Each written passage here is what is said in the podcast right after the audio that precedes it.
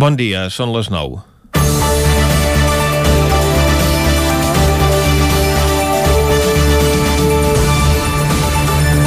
Es veu que aquest cap de setmana s'ha treballat a fons a Prats de Lluçanès, on es van reunir lluny dels focus i en una masia Pere Aragonès i Jordi Sánchez per tancar un acord de govern quan ja havia començat el temps de descompte abans que es convoquessin unes noves eleccions.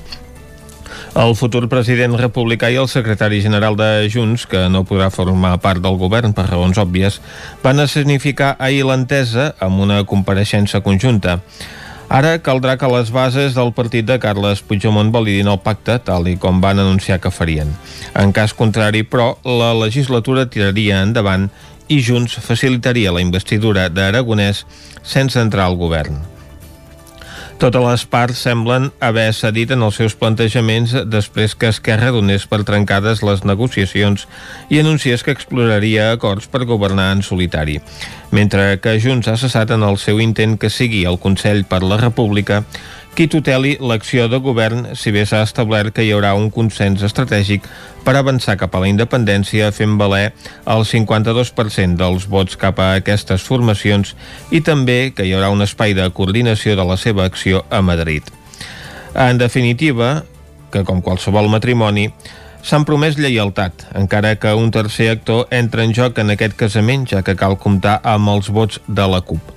Els anticapitalistes volen fer valer els punts del seu pacte amb Esquerra, mentre que en Comú Podem s'haurà sentit instrumentalitzat en aquesta negociació i es quedarà novament sense el seu desig de ser una peça activa per donar un gir a l'esquerra al govern.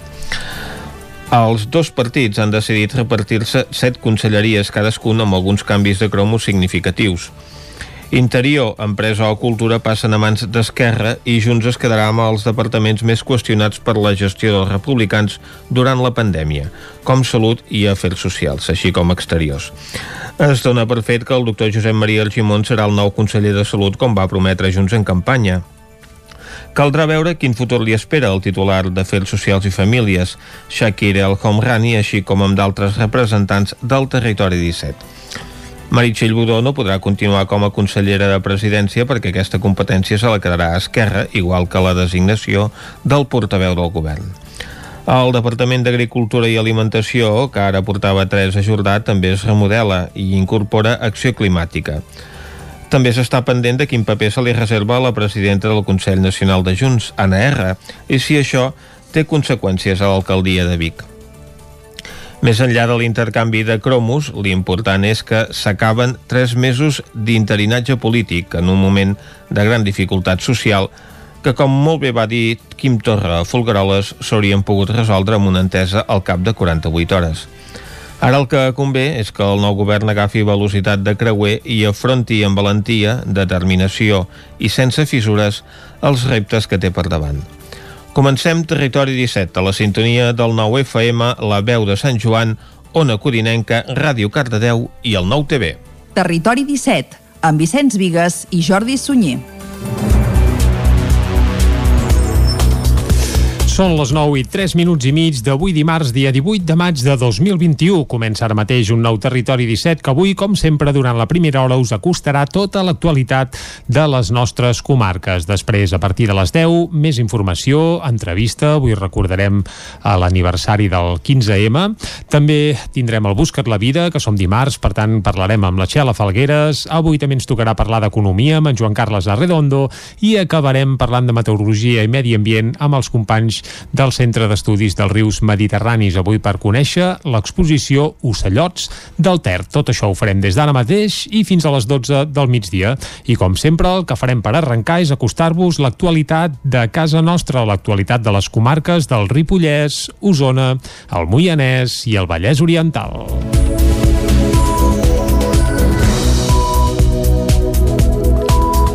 Més d'un any després del seu esclat, Osona Debats ha analitzat l'impacte de la pandèmia de Covid-19 a la comarca. De les intervencions dels ponents a la jornada se'n conclou que el coronavirus ha fet aflorar debilitats, però també han sorgit fortaleses, sobretot a través de la cooperació. La sala modernista del Casino de Vic va acollir divendres durant 4 hores la jornada d'Osona Debats que va analitzar l'impacte de la Covid-19 a la comarca. Els nou ponents que hi van intervenir al costat del coordinador, el director editorial del 9-9, Agustí Danés, va posar el focus sobre l'àmbit sanitari, el de la cultura, l'econòmic, l'educatiu, el periodístic, el social i l'ambiental. La biòloga Bet Font alertava que el moment actual és l'última oportunitat per redreçar el rumb cap a la sostenibilitat, tant per la protecció davant de les pandèmies com del canvi climàtic. Sentim a Bet Font les empreses, els, els polítics, els tècnics, els periodistes, també us toca, doncs, eh, entre tots fer que el conjunt de, de, la, de la humanitat, de la societat, doncs, tingui eh, una, una actitud més, més sostenible, més responsable des d'un punt de vista de la sostenibilitat. Les conseqüències en l'àmbit social no han estat del tot visibles des del primer moment. Les han patit des de les persones que viuen a les residències de gent gran fins als infants més vulnerables.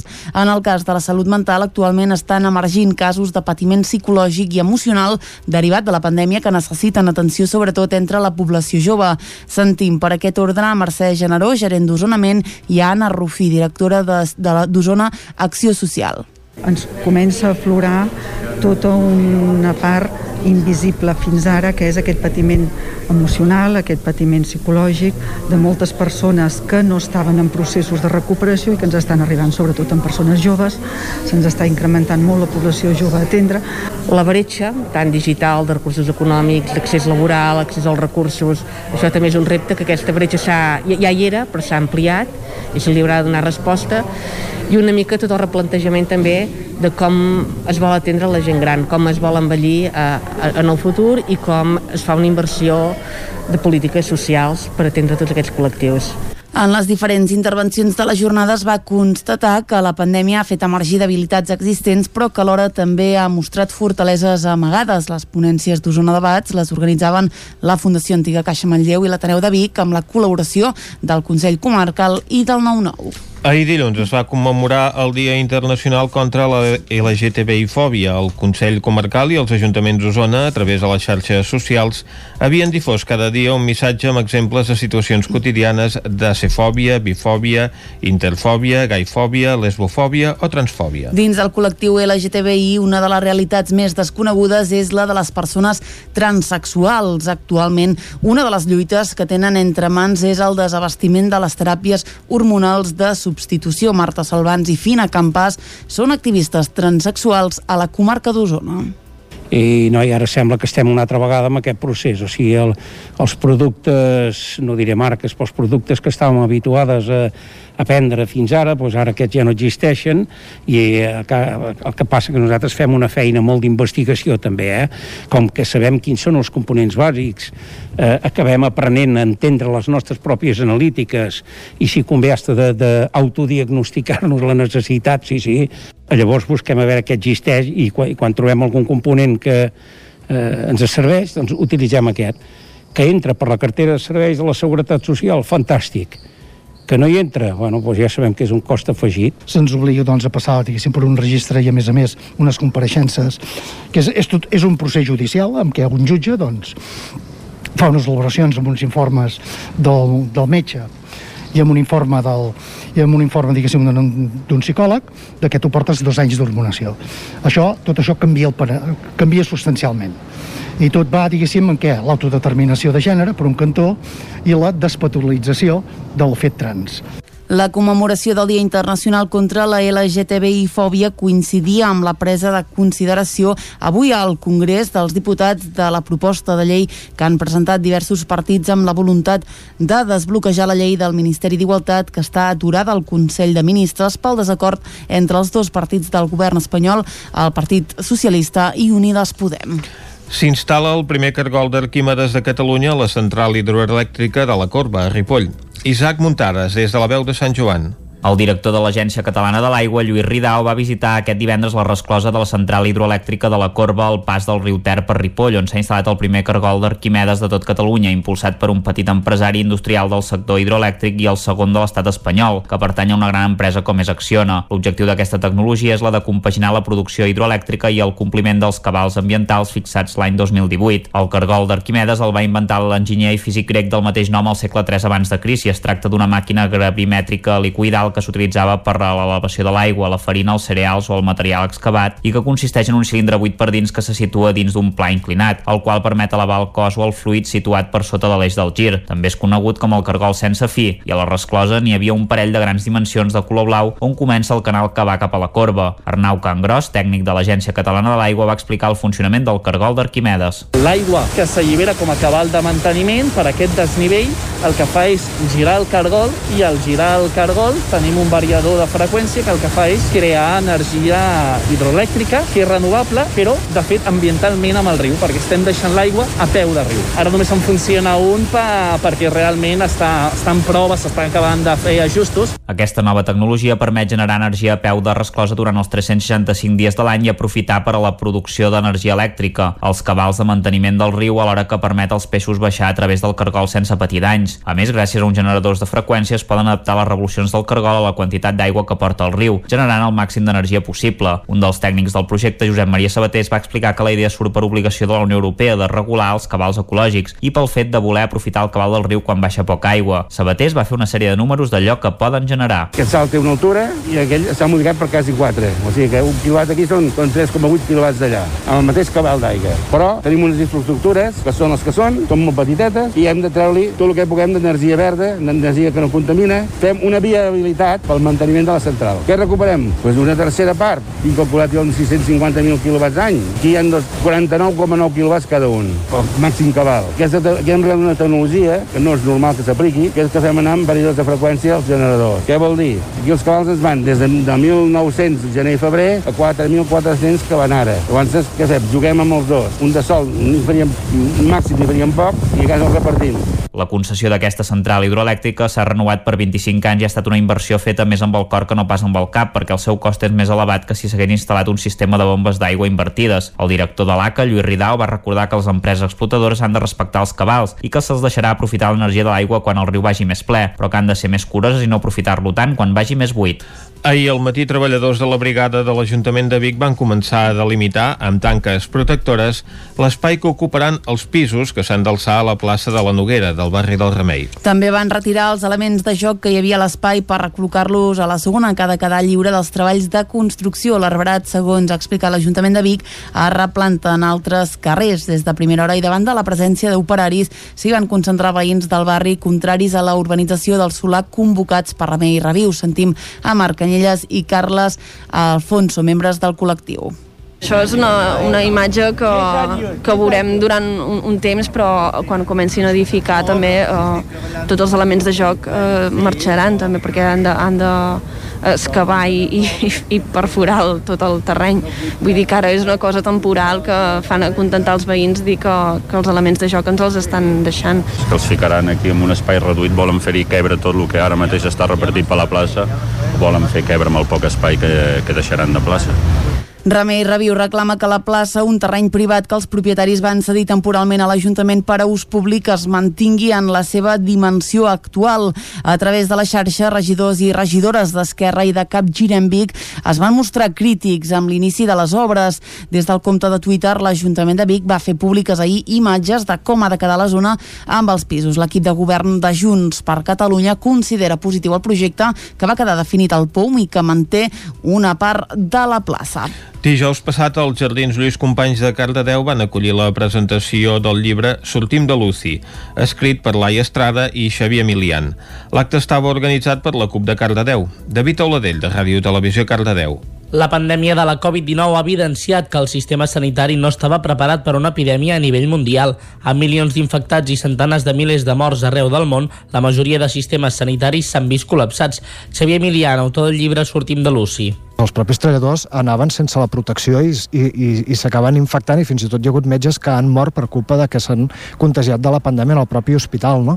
Um, com podem permetre um, això? És um, inconcebible. No sols s'ha evidenciat que no estàvem preparats, s'ha evidenciat el que venim denunciant, que és que una persona no es podia fer una PCR ni que fos població de risc o que fos un professional de la sanitat, però en canvi si eres d'una mútua i pagaves la teva butxaca, podies anar a un laboratori privat i et feien aquesta PCR per molt que no hi hagués cap necessitat de que te la fessin. No? En Xavier Emilian i la Laia Estrada han presentat als Jardins Lluís Companys de Cardedeu Sortim de Luci, un llibre que va néixer durant el primer confinament, però sobre un tema que ells ja portaven molt de temps explicant a campanyes polítiques, xerrades i assemblees. Un llibre on denuncien un sistema sanitari classista per part de la Generalitat. Laia Estrada, autora del llibre Sortim de Luci. Són mancances que arrosseguem juntament amb l'hospitalocentrisme que al final el que fan és tenir un sistema que, que no estava preparat per fer front amb, amb una pandèmia com aquesta i que malauradament a hores d'ara encara no hem començat a solucionar aquestes greus mancances ni a nivell estructural ni a nivell pressupostari per recuperar-nos les retallades. Sortim de Luci és un llibre d'assaig, però que més aporta diferents propostes, com la d'apostar per un sistema sanitari públic, on no es privatitzin els serveis i on ningú hi pugui obtenir un lucre extern. No cal ser un expert per fer tastos de vins i això és el que vol demostrar Som Bacus, un nou projecte que ha arrencat aquesta primavera i que porta els tastos de vins a domicili. Al capdavant d'aquesta iniciativa hi ha el torellonenc Oriol Capdevila. Tastos de vins directament des del sofà de casa és el que proposa el torellonenc Oriol Capdevila que acaba d'engegar el projecte Som Bacus que proposa fer tastos de vins per persones aficionades i sense haver-se de desplaçar. Sentim a Capdevila a mi m'hauria agradat trobar un lloc per poder fer un tast de vins sense haver-me de desplaçar. A mi m'agrada el vi, però jo no sóc un entès, no, no, no he estudiat res vinculat als vins, per tant, eh, m'agrada, però no sóc una persona que digui, va, vaig a fer un tast de vins a la Bisbal del Penedès, jo què sé. Llavors la idea era això, acostar al món del vi aquells que ens agrada el vi, però que no en som professionals. Feia molt que tenia la idea i a finals de l'any passat, en ple confinament, va sortir l'oportunitat de, de fer-la funcionar, diguéssim, de fer-la arrencar. De moment hi ha quatre tastos diferents disponibles. Es pot escollir entre un pack de vins blancs, un de garnatxa negra i dos que combinen diferents tipus de vi i de cava. El funcionament és senzill. Des de la web es poden comprar els packs de vins i quan es rep a casa venen acompanyats d'una guia de tast i un enllaç d'internet. Oriol Capdevila amb el mòbil, si tens un Smart TV amb la tele, amb la tauleta, amb l'ordinador, amb el que faci falta, es pot entrar en aquest enllaç i llavors eh, veureu la sommelier que explica amb els tres vins, explica com s'han de provar els vins, com fer un tas de vins, perquè som a casa, mm, a vegades l'escenari no és l'ideal, llavors buscar un lloc que hi hagi prou llum, eh, que no hi hagin olors externes, que siguin desagradables o que siguin tan fortes que no puguem apreciar els vins. Explica quatre detalls i explica els, els tres vins. En un format breu, perquè la gent que, que ens agrada el vi però no som professionals, no ens volem estar una hora i mitja escoltant eh, algú que aviam s'hi troba notes eh, de flors blanques volem que ens ho expliquin una mica, volem saber com són aquests tres vins, però això, amb, amb una curta durada. L'empordanesa Fina Juez és la sommelier de, que guia aquests primers tastos, però la intenció és anar incorporant més veus autoritzades. La iniciativa que va néixer abans del confinament va arrencar finalment aquest mes de març per portar experiències vinícoles i aprofundir en el sector cadascú al seu ritme. Esports. Tot a punt per la celebració de la prova esportiva i solidària Oncodines Trail el proper 29 de maig. La cursa serà una realitat després d'haver-se adaptat a les condicions sanitàries i d'haver incorporat mesures com ara testos d'antígens per tots els participants. Caral Campàs, des d'Ona Codinenca. Sembla que no podem escoltar aquesta notícia des d'Ona Codinenca. Nosaltres ara passarem a l'espai del temps.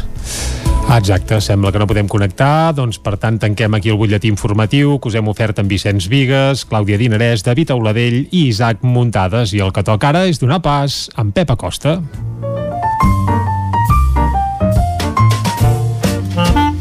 Casa Terradellos us ofereix el temps.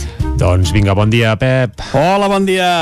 I Benvingut a la informació del temps. Gràcies. Ja estem aquí per explicar quin temps farà aquest dimarts estem en una situació eh, d'indefinició. No tenim eh, cap anticicló a prop, tampoc tenim cap pertorbació, és una situació, com diríem, de pantà baromètric, uh, no tenim uh, cap grans vents a prop, tampoc, uh, una situació molt, molt indefinida, eh? no, no està gens clara, gens clara quina situació tenim aquests dies. Això com es tradueix? Doncs amb forces núvols. Ara mateix tenim forces núvols, just després d'una nit on també hem tingut molts núvols, sobretot baixos, mm -hmm. uh, que no han deixat precipitació, poder quatre gotes en algun lloc, molt poca cosa, i això, una, uns núvols que han fet que les temperatures mínimes no baixessin gaire. I han superat els 10 graus al prelitoral i cap a l'interior entre els 5 i els 10.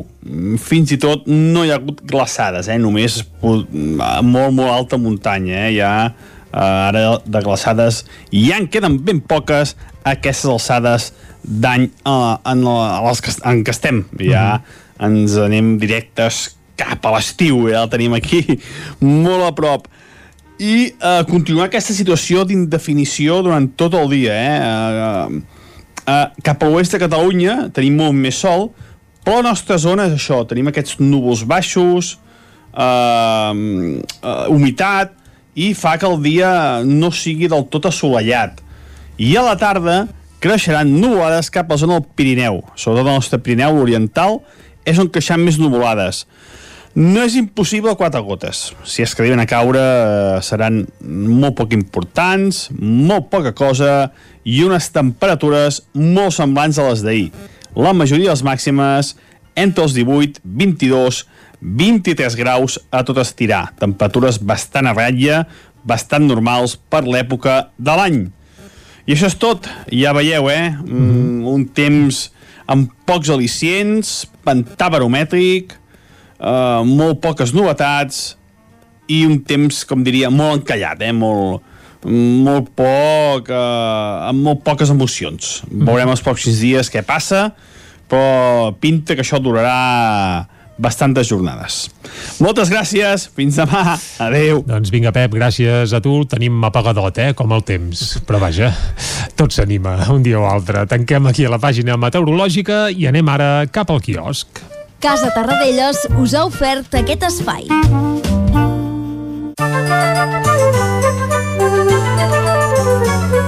On sí que hi ha novetats és a la premsa que ve carregada d'actualitat política i altres eh, temàtiques. Clàudia, fem un repàs als diaris d'avui, començant pels diaris editats a Catalunya. Molt bon dia de nou. Comencem, com sempre, amb el punt avui, amb una imatge d'Aragonès i de Sánchez. Diu, es posen d'acord. Esquerra i Junts per Catalunya salven la legislatura in extremis i tornaran a governar en coalició. Junts es compromet a investir Aragonès, diguin el que diguin les bases del partit. Els dos socis es repartiran a parts iguals les 14 conselleries i volen coordinar-se a Madrid. Esquerra ja se sap que es queda Interior i Salut, passa a Junts per Catalunya. Roger Torrent i el Sartadi seran en l'executiu i la CUP avisa que farà valer el seu acord. Anem al diari ara que diu Aragonès presidirà un govern de coalició amb Junts per Catalunya. Esquerra renuncia a un executiu en solitari i Junts a fixar el paper del Consell per la República. Els republicans tindran interior, empresa i educació i cedeixen economia, salut i exteriors. Altres titulars de l'ara comença la remuntada turística i Simón, que diu que els vacunats es podran treure la, mascarre la mascareta al carrer en cosa de dies. Anem al periòdico que diu Esquerra assumeix el timó del procés i es resigna a governar amb Junts. El full de ruta independentista preveu demanar un referèndum a la Unió Europea i mantenir la confrontació. A la imatge, el pacte de les dues masies, Aragonès i Sánchez, van segellar la coalició després de 18 hores de reunions al Lluçanès i al Maresme. Com veiem fa un moment, Simón pronostica el final de la mascareta no gaires dies i demana prudència i més de 3.000 persones entren nedant a Ceuta davant la passivitat del Marroc, és un dels titulars del dia. Acabem amb l'avantguàrdia que diu Esquerra i Junts per Catalunya reparteixen el govern i aparquen el desacord. Pere Aragonès i Jordi Sánchez tanquen el nou executiu en una negociació discreta al cap de setmana i desvien l'estratègia independentista a una comissió. Com veiem, Ceuta desbordada, desbordada per una onada de 5.000 immigrants i la mascareta podria deixar de ser obligatòria a l'aire lliure al juny. La P s'haurà de continuar alerta portant en espais interiors durant mesos. Anem a veure de què parlen els diaris de Madrid. Anem al país que precisament obre amb aquest titular que ja veiem a les portades catalanes. La tensió en Marroc obre una crisi migratòria a Ceuta. Unes 5.000 persones creuen la frontera davant la passivitat dels agents de Rabat. En política, Esquerra cedeix poder a Junts per una difícil governabilitat i el govern es fixa com a meta créixer a l'1,5% anual fins l'any 2050. El Mundo Rabat pressiona Espanya amb una onada migratòria de rècord. Sánchez accelera la negociació amb Esquerra Republicana hostatge de Puigdemont i al final de l'estat d'alarma reviu un 10% l'ús de targetes de crèdit. Anem acabant, anem a la raó que diu indults i sedició la via Sánchez després del pacte a Catalunya. Puigdemont guanya Esquerra i reprèn el desafiament a l'Estat. Rabat, a la imatge, llança una onada d'immigrants a Ceuta i la jefa de Simón diu frena la segona vacuna d'AstraZeneca. Ah, com fem sempre, acabem amb l'ABC, que diu Marroc desafia Espanya, milers de joves creuen la frontera nedant i en política parla d'aquest acord de govern a Catalunya. Sánchez diu manté l'aliança amb Esquerra malgrat cedir davant de Carles Puigdemont. Doncs tots els diaris de Madrid avui apareixen amb eh, portada amb una fotografia destacada d'aquesta allau immigratòria que s'ha produït aquestes últimes hores a Ceuta, però també dediquen part de la seva portada a l'actualitat política a Catalunya, amb fotografies, si bé més en petit, del moment en què se segellava aquest acord entre Jordi Sánchez i Pere Aragonès, saludant-se en la presentació ahir de l'acord al Palau Robert a Barcelona. Els diaris catalans, lògicament, dediquen la seva portada a aquesta temàtica, l'acord de govern entre Junts i Esquerra Republicana. Uh, veiem els dos líders dels uh, dos partits on saludant-se també als jardins del Palau Robert a les portades dels diaris en català, els diaris traduïts doncs uh, han escollit fotos d'aquesta negociació que van dur a terme dissabte al Soler de Nuc a Prats, a Prats de Lluçanès amb una fotografia on se'ls veu ells dos d'esquena passejant per la finca a la portada del periòdico o bé asseguts en una taula en un moment de la negociació a l'interior d'aquesta masia de Prats de Lluçanès és la fotografia de portada de l'avantguàrdia. Després d'aquest repàs a quins són els titulars més destacats de la premsa d'avui, nosaltres el que fem ara és posar punt i final a aquest bloc informatiu.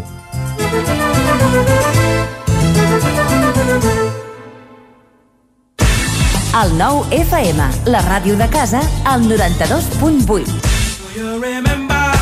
Automòbils Pla de Vall. Som una empresa familiar amb 36 anys d'experiència en la compra-venda de cotxes nous, seminous i d'ocasió. Els nostres vehicles són completament revisats abans de la seva entrega al client, amb els manteniments al dia i amb garantia personalitzada. Finançament a mida del client. Vine a Automòbils Pla de Vall i t'assessorarem.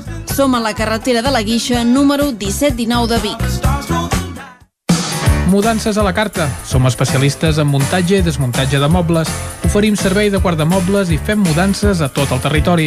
Trasllats de pianos i peces delicades i també fem embalatge i protegim. Mudances a la carta. Serveis adaptats a cada client. Ens trobaràs al telèfon 605 04 34 75. Cocodril Club. Si t'agrada la bona música dels anys 60, 70 i 80, escolta el 9 FM als matins de dissabtes i diumenges d'11 a 1. És el temps del Cocodril Club, tot un clàssic de la ràdio, amb les bases del pop-rock, les llegendes, les cançons que s'han convertit en autèntics himnes. Recorda, dissabtes i diumenges al matí, d'11 a 1, al 9 FM 92.8. Cocodril Club, el programa revival de l'Albert Malla. Hasta luego, cocodrilo. La Cakery. Pastissos personalitzats, galetes, cookies, brownies i molt més. Ens trobaràs a Vic, al carrer de Gurb 34 Baixos, al telèfon 93 886 70 51 i també a Instagram i Facebook. Cada joia és un art. Joier J. Garcia, taller propi de joieria i rellotgeria. Joies úniques, peces artesanals, dissenys exclusius i personalitzats. Rellotges, anells, braçalets i molt més. Joier J. Garcia, ens trobaràs a la Rambla de Vallada 6 i a la carretera de la Guixa 10 de Vic i a Tona, al carrer Barcelona número 17. També a Instagram i a jgarciajoyer.com. Xalant Moda i Complements. Nova temporada primavera-estiu. Moda home-dona, nen-nena, sabates, bosses de mà, maletes, complements i molt més. Vine a veure, ens trobaràs una secció d'ofertes amb roba de la temporada passada a 10 euros i 19 euros. Vine a Can Xalant, ens trobaràs al carrer Sant Tomàs número 6 de Call d'Atenes. També a Instagram i Facebook.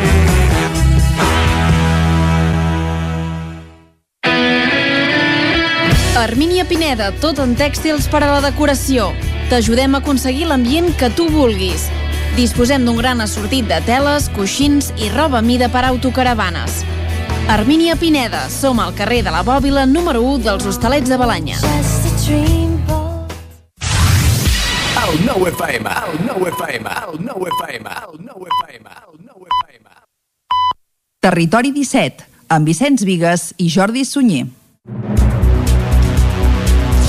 Dos quarts de deu en punt, seguim en directe aquí a Territori 17, avui que és dimarts, dia 18 de maig de 2021. En la primera mitja hora de programa us hem acostat l'actualitat de casa nostra, de les nostres comarques, i de seguida us l'acostarem de nou. Després, a partir de les 10, tindrem més informació, entrevista, avui al Buscat la Vida, amb la Txela Falgueres, també parlarem d'economia amb en Joan Carles Arredondo, com tots els dimarts, i avui acabarem parlant de medi ambient, acompanyats de la gent del Centre d'Estudis del Riu rius mediterranis que ens visiten un cop al mes aquí a Territori 17. Avui serà per parlar d'Ocellots del Ter, una exposició que es pot visitar fins a la propera tardor al Museu del Ter de Manlleu. En coneixerem els detalls a la part final d'un programa que ara segueix acostant-vos de nou l'actualitat de les nostres comarques, l'actualitat de les comarques del Ripollès, Osona, el Moianès i el Vallès Oriental.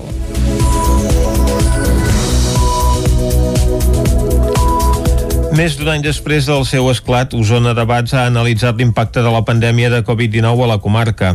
De les intervencions dels ponents a la jornada se'n conclou que el coronavirus ha fet aflorar debilitats, però també han sorgit fortaleses, sobretot a través de la cooperació. La sala modernista del Casino de Vic va acollir divendres durant 4 hores la jornada d'Osona Debats que va analitzar l'impacte de la Covid-19 a la comarca. Els nou ponents que hi van intervenir al costat del coordinador, el director editorial del 9-9, Agustí Danés, va posar el focus sobre l'àmbit sanitari, el de la cultura, l'econòmic, l'educatiu, el periodístic, el social i l'ambiental. La biòloga Bet Font alertava que el moment actual és l'última oportunitat per redreçar el rumb cap a la sostenibilitat, tant per la protecció davant de les pandèmies com del canvi climàtic. Sentim a Bet Font. Les empreses, els, els polítics, els tècnics, els periodistes, també us toca, doncs eh, entre tots fer que el conjunt de, de, la, de la humanitat, de la societat, doncs tingui eh, una, una actitud més, més sostenible, més responsable des d'un punt de vista de la sostenibilitat. Les conseqüències en l'àmbit social no han estat del tot visibles des del primer moment. Les han patit des de les persones que viuen a les residències de gent gran fins als infants més vulnerables. En el cas de la salut mental, actualment estan emergint casos de patiment psicològic i emocional derivat de la pandèmia que necessiten atenció sobretot entre la població jove. Sentim per aquest ordre a Mercè Generó, gerent d'Osonament, i Anna Rufí, directora d'Osona Acció Social ens comença a aflorar tota una part invisible fins ara, que és aquest patiment emocional, aquest patiment psicològic de moltes persones que no estaven en processos de recuperació i que ens estan arribant sobretot en persones joves. Se'ns està incrementant molt la població jove a atendre.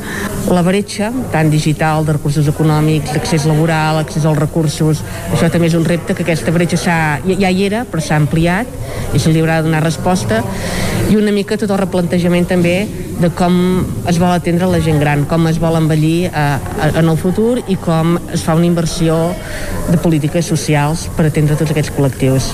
En les diferents intervencions de la jornada es va constatar que la pandèmia ha fet emergir debilitats existents, però que alhora també ha mostrat fortaleses amagades. Les ponències d'Osona Debats les organitzaven la Fundació Antiga Caixa Manlleu i l'Ateneu de Vic amb la col·laboració del Consell Comarcal i del 9-9. Ahir dilluns es va commemorar el Dia Internacional contra la LGTBI-fòbia. El Consell Comarcal i els Ajuntaments d'Osona, a través de les xarxes socials, havien difós cada dia un missatge amb exemples de situacions quotidianes d'acefòbia, bifòbia, interfòbia, gaifòbia, lesbofòbia o transfòbia. Dins del col·lectiu LGTBI, una de les realitats més desconegudes és la de les persones transexuals. Actualment, una de les lluites que tenen entre mans és el desabastiment de les teràpies hormonals de substitució. Marta Salvans i Fina Campàs són activistes transexuals a la comarca d'Osona i no, i ara sembla que estem una altra vegada amb aquest procés, o sigui, el, els productes, no diré marques, però els productes que estàvem habituades a, a prendre fins ara, doncs ara aquests ja no existeixen. I el que, el que passa que nosaltres fem una feina molt d'investigació també, eh? com que sabem quins són els components bàsics, eh, acabem aprenent a entendre les nostres pròpies analítiques. I si convé hasta d'autodiagnosticar-nos la necessitat, sí, sí, llavors busquem a veure què existeix i quan, i quan trobem algun component que eh, ens serveix, doncs utilitzem aquest que entra per la cartera de serveis de la Seguretat Social, fantàstic que no hi entra, bueno, doncs ja sabem que és un cost afegit. Se'ns obliga doncs, a passar diguéssim, per un registre i a més a més unes compareixences, que és, és, tot, és un procés judicial amb què un jutge doncs, fa unes elaboracions amb uns informes del, del metge i amb un informe del, i amb un informe d'un psicòleg de que tu portes dos anys d'hormonació això, tot això canvia, el, canvia substancialment i tot va diguéssim en què? l'autodeterminació de gènere per un cantó i la despatolització del fet trans la commemoració del Dia Internacional contra la LGTBI-fòbia coincidia amb la presa de consideració avui al Congrés dels Diputats de la proposta de llei que han presentat diversos partits amb la voluntat de desbloquejar la llei del Ministeri d'Igualtat que està aturada al Consell de Ministres pel desacord entre els dos partits del govern espanyol, el Partit Socialista i Unides Podem. S'instal·la el primer cargol d'Arquímedes de Catalunya a la central hidroelèctrica de la Corba, a Ripoll.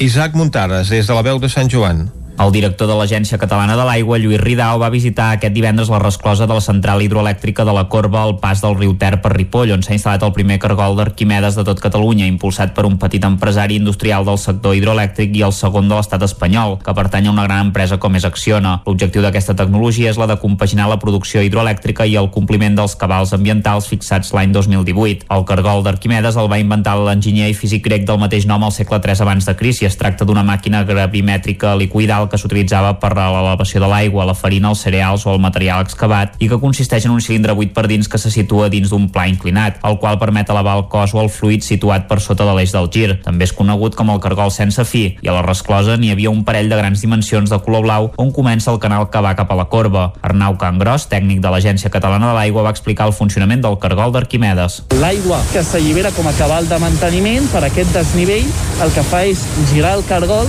i al girar el cargol tenim un variador de freqüència que el que fa és crear energia hidroelèctrica que és renovable, però de fet ambientalment amb el riu, perquè estem deixant l'aigua a peu de riu. Ara només en funciona un pa, perquè realment està, està en prova, s'estan acabant de fer ajustos. Aquesta nova tecnologia permet generar energia a peu de resclosa durant els 365 dies de l'any i aprofitar per a la producció d'energia elèctrica, els cabals de manteniment del riu alhora que permet als peixos baixar a través del cargol sense patir danys. A més, gràcies a uns generadors de freqüències poden adaptar les revolucions del cargol a la quantitat d'aigua que porta el riu, generant el màxim d'energia possible. Un dels tècnics del projecte, Josep Maria Sabatés, va explicar que la idea surt per obligació de la Unió Europea de regular els cabals ecològics i pel fet de voler aprofitar el cabal del riu quan baixa poca aigua. Sabatés va fer una sèrie de números d'allò que poden generar. Aquest salt té una altura i aquell s'ha modificat per quasi 4. O sigui que un quilowatt aquí són, són 3,8 quilowatts d'allà, amb el mateix cabal d'aigua. Però tenim unes infraestructures que són les que són, són molt petitetes i hem de treure-li tot el que puguem d'energia verda, d'energia que no contamina. Fem una viabilitat necessitat pel manteniment de la central. Què recuperem? Pues una tercera part. Tinc calculat jo uns 650.000 quilowatts any. Aquí hi ha 49,9 quilowatts cada un, el màxim cabal. Aquesta, aquí hem creat una tecnologia que no és normal que s'apliqui, que és que fem anar amb períodes de freqüència als generadors. Què vol dir? Aquí els cabals ens van des de, de 1.900 gener i febrer a 4.400 que van ara. Llavors, què fem? Juguem amb els dos. Un de sol, ni faríem, màxim ni faríem poc, i a casa el repartim. La concessió d'aquesta central hidroelèctrica s'ha renovat per 25 anys i ha estat una inversió feta més amb el cor que no pas amb el cap, perquè el seu cost és més elevat que si s'hagués instal·lat un sistema de bombes d'aigua invertides. El director de l'ACA, Lluís Ridao, va recordar que les empreses explotadores han de respectar els cabals i que se'ls deixarà aprofitar l'energia de l'aigua quan el riu vagi més ple, però que han de ser més curoses i no aprofitar-lo tant quan vagi més buit. Ahir al matí, treballadors de la brigada de l'Ajuntament de Vic van començar a delimitar, amb tanques protectores, l'espai que ocuparan els pisos que s'han d'alçar a la plaça de la Noguera, del barri del Remei. També van retirar els elements de joc que hi havia a l'espai per recol·locar-los a la segona que ha de quedar lliure dels treballs de construcció. L'arbrat, segons ha explicat l'Ajuntament de Vic, ha replanta en altres carrers. Des de primera hora i davant de la presència d'operaris s'hi van concentrar veïns del barri contraris a la urbanització del Solà convocats per Remei i Reviu. Sentim a Marc Canyelles i Carles Alfonso, membres del col·lectiu. Això és una, una imatge que, que veurem durant un, un temps, però quan comencin a edificar també eh, tots els elements de joc eh, marxaran també perquè han de, han de excavar i, i, i perforar tot el terreny. Vull dir que ara és una cosa temporal que fan contentar els veïns dir que, que els elements de joc ens els estan deixant. Que els ficaran aquí en un espai reduït, volen fer-hi quebre tot el que ara mateix està repartit per la plaça, volen fer quebre amb el poc espai que, que deixaran de plaça. Remei Reviu reclama que la plaça, un terreny privat que els propietaris van cedir temporalment a l'Ajuntament per a ús públic, es mantingui en la seva dimensió actual. A través de la xarxa, regidors i regidores d'Esquerra i de Cap Girembic es van mostrar crítics amb l'inici de les obres. Des del compte de Twitter, l'Ajuntament de Vic va fer públiques ahir imatges de com ha de quedar la zona amb els pisos. L'equip de govern de Junts per Catalunya considera positiu el projecte que va quedar definit al POUM i que manté una part de la plaça. Dijous passat, els Jardins Lluís Companys de Cardedeu van acollir la presentació del llibre Sortim de Luci, escrit per Laia Estrada i Xavier Milian. L'acte estava organitzat per la CUP de Cardedeu. David Auladell, de Ràdio Televisió Cardedeu. La pandèmia de la Covid-19 ha evidenciat que el sistema sanitari no estava preparat per una epidèmia a nivell mundial. Amb milions d'infectats i centenes de milers de morts arreu del món, la majoria de sistemes sanitaris s'han vist col·lapsats. Xavier Milian, autor del llibre Sortim de l'UCI. Els propis treballadors anaven sense la protecció i, i, i, i s'acaben infectant i fins i tot hi ha hagut metges que han mort per culpa de que s'han contagiat de la pandèmia en el propi hospital. No? Um, com podem permetre um, això? És um, inconcebible. No sols s'ha evidenciat que no estàvem preparats, s'ha evidenciat el que venim denunciant, que és que una persona no es podia fer una PCR ni que fos població de risc o que fos un professional de la sanitat, però en canvi si eres d'una mútua i pagaves la teva butxaca, podies anar a un laboratori privat i et feien aquesta PCR per molt que no hi hagués cap necessitat de que te la fessin. No? En Xavier Milian i la Laia Estrada han presentat als Jardins Lluís Companys de Cardedeu Sortim de l'UCI, un llibre que va néixer durant el primer confinament, però sobre un tema que ells ja portaven molt de temps explicant a campanyes polítiques, xerrades i assemblees. Un llibre on denuncien un sistema sanitari classista per part de la Generalitat. Laia Estrada, autora del llibre Sortim de l'UCI. Són mancances que arrosseguem juntament amb l'hospitalocentrisme que al final el que fan és tenir un sistema que, que no estava preparat per fer front amb, amb una pandèmia com aquesta i que malauradament a hores d'ara encara no hem començat a solucionar aquestes greus mancances ni a nivell estructural ni a nivell pressupostari per recuperar-nos les retallades. Sortim de l'UCI és un llibre d'assaig, però que més aporta diferents propostes, com la d'apostar per un sistema sanitari públic, on no es privatitzin els serveis i on ningú hi pugui obtenir un lucre extern. No cal ser un expert per fer tastos de vins i això és el que vol demostrar Som Bacus, un nou projecte que ha arrencat aquesta primavera i que porta els tastos de vins a domicili.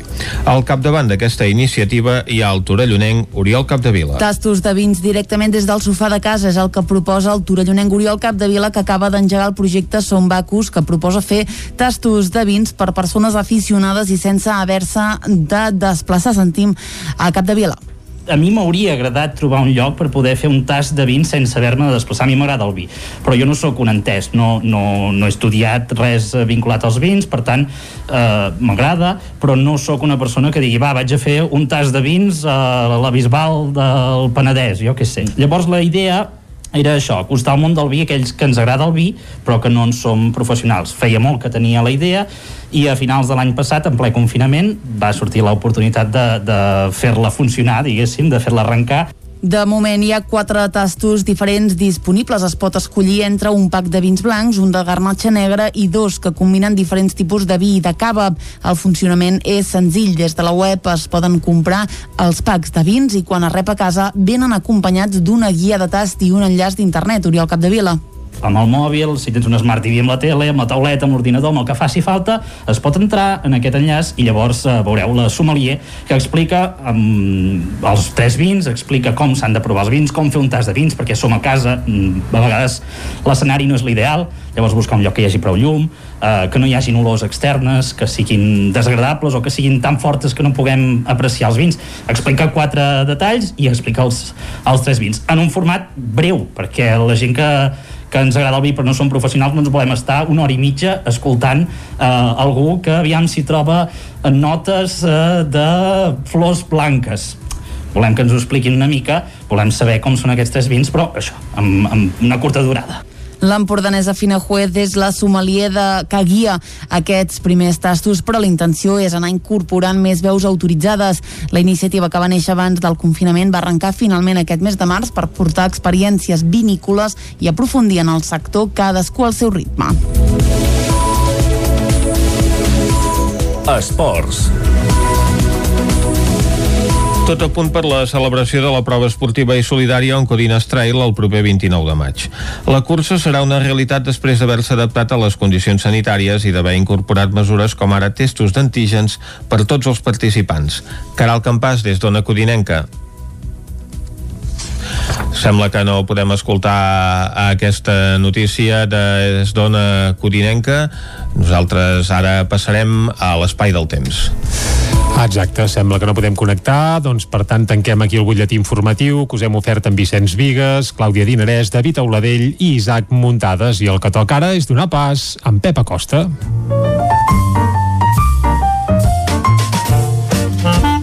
Casa Terradellos us ofereix el temps. Doncs vinga, bon dia, Pep. Hola, bon dia. I Benvingut a la informació del temps. Gràcies. Ja estem aquí per explicar quin temps farà aquest dimarts.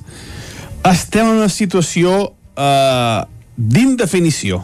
No tenim eh, cap anticicló a prop, tampoc tenim cap pertorbació.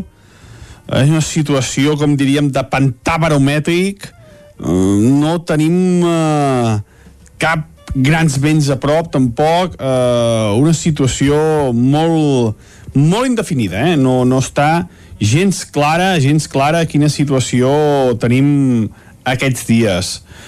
Això com es tradueix? Doncs amb forces núvols. Ara mateix tenim forces núvols just després d'una nit on també hem tingut molts núvols, sobretot baixos, mm -hmm. eh, que no han deixat precipitació, poder quatre gotes en algun lloc, molt poca cosa, i això, una, uns núvols que han fet que les temperatures mínimes no baixessin gaire.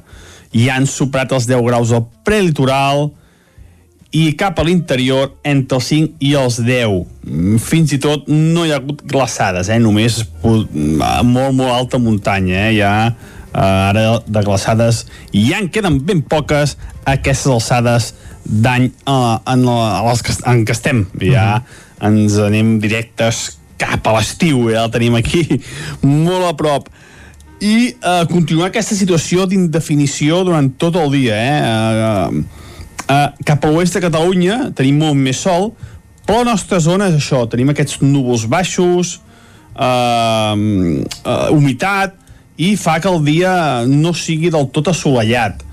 I a la tarda creixeran nuvolades cap a la zona del Pirineu. Sobretot el nostre Pirineu oriental és on creixeran més nuvolades no és impossible quatre gotes. Si es que arriben a caure eh, seran molt poc importants, molt poca cosa i unes temperatures molt semblants a les d'ahir.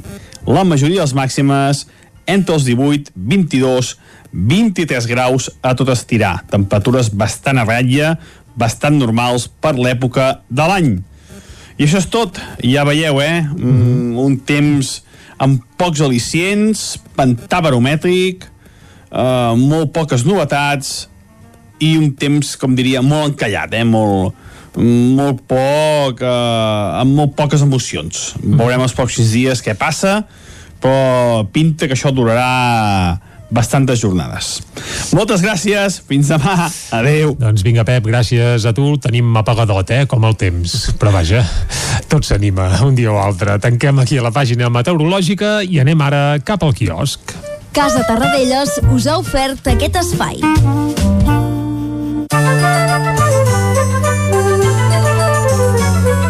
On sí que hi ha novetats és a la premsa que ve carregada d'actualitat eh, política i altres eh, temàtiques. Clàudia, fem un repàs als diaris d'avui, començant pels diaris editats a Catalunya. Molt bon dia de nou. Comencem, com sempre, amb el punt avui, amb una imatge d'Aragonès i de Sánchez. Diu, es posen d'acord.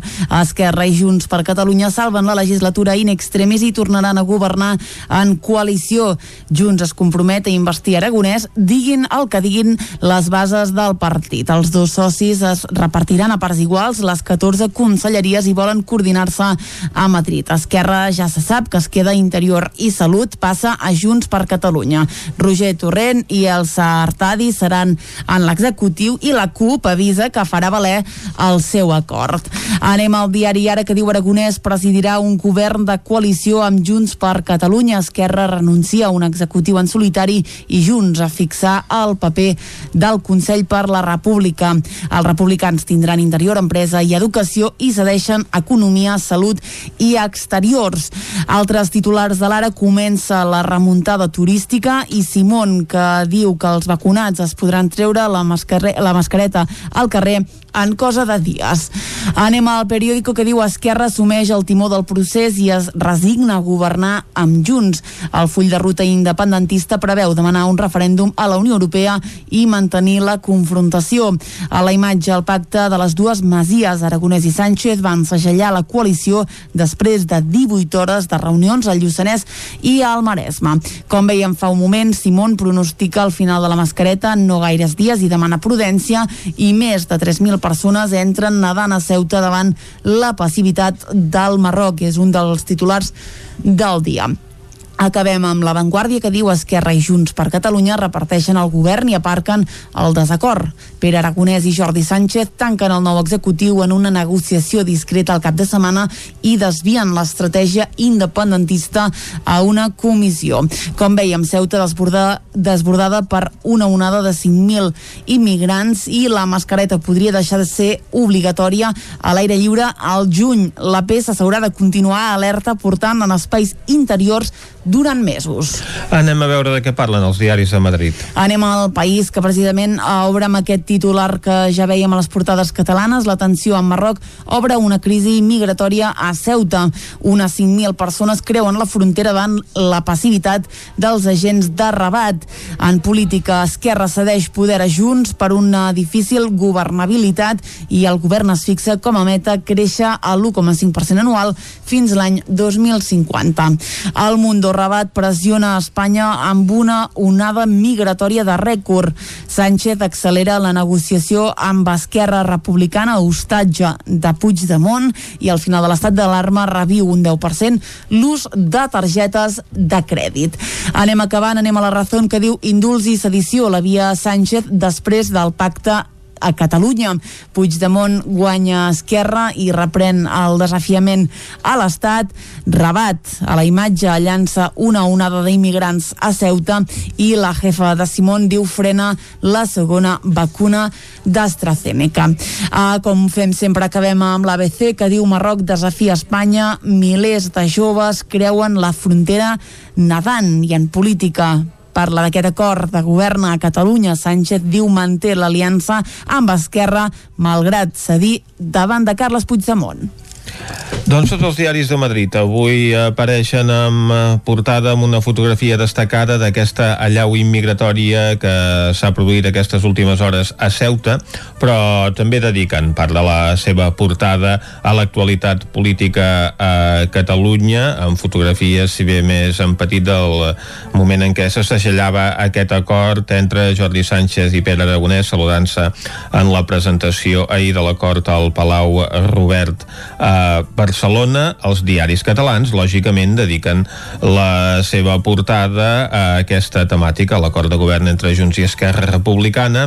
Eh, veiem els dos líders dels eh, dos partits on saludant-se també als jardins del Palau Roberta, a les portades dels diaris en català, els diaris traduïts, doncs eh, han escollit fotos d'aquesta negociació que van dur a terme dissabte al Soler de Nuc a Prats, a Prats de Lluçanès amb una fotografia on se'ls veu ells dos d'esquena passejant per la finca a la portada del periòdico o bé asseguts en una taula en un moment de la negociació a l'interior d'aquesta masia de Prats de Lluçanès és la fotografia de portada de La Vanguardia.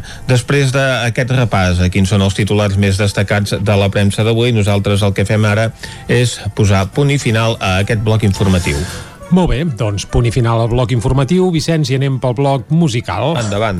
Veus, avui haguéssim pogut posar alguna cançó del Lluçanès lligat a, a això, a aquesta Doncs sorpresa sí. que és que es va cuinar es va cuinar precisament a Prats eh, aquest principi d'acord entre Esquerra i Junts, però no, hem baixat avall, eh? hem anat cap a la plana de Vic per eh, estrenar bé, una novetat mundial, allò que fem a vegades, eh? estrenes eh, aquí a Territori 17 i avui estrenarem Bilis Groga. Ep. Uh, sí, amb aquest nom uh, després... Potser sí que té alguna cosa Sí, a veure. no, anava a dir, després pareu bé la, pareu bé l'orella a la lletra perquè, bé, la veritat és que hi ha moltes dobles i triples lectures i la lectura política, no només pel groc de la Elis, doncs ja, podeu, ja us, ben- us ben asseguro que hi he. Però vaja, qui ha, qui ha fet aquesta cançó i contextualitzem? Va, aquesta cançó és d'un projecte que es diu L'Home Trencat. I darrere de l'Home Trencat hi ha el Guillem Rigol, un biguetà que ja es va donar a conèixer com a això, com a l'Home Trencat fa un parell o tres d'anys, traient un EP que aleshores, bé, no va tenir gaire ressò, però ara el proper dia 11 de juny traurà el seu primer disc, allò no un EP sinó un LP, bé, LP, bé, ja ens entenem, eh? un CD o ho penjarà a les xarxes perquè vull dir això tot ha canviat molt.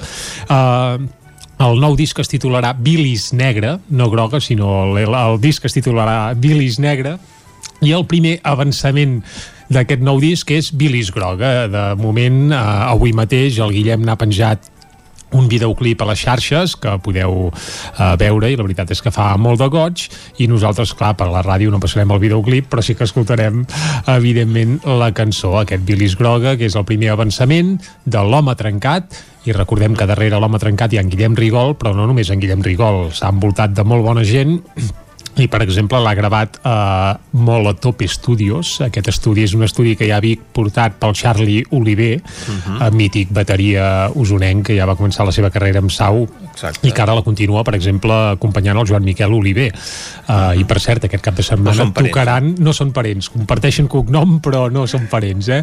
i per cert aquest cap de setmana reobre la Jazz Cava de Vic Què dius? Sí, sí, sí, reobre la Jazz Cava de Vic i ho farà amb un concert amb uh, precisament el Joan Miquel Oliver acompanyat del Charlie Oliver, uh, uh -huh. tècnic d'estudi del nou disc de l'home trencat, que aquí és on anàvem a parar, eh? tot, uh, tot, tot, tot va lligat avui. Uh, va, anem al Bilis Groga, sí, Vicenç? Endavant. Doncs vinga, Bilis Groga, de l'home trencat, darrere l'home trencat hi ha el Guillem Rigol i tot plegat sona així. Amb això arribarem al punt de les 10 aquí a Territori 17.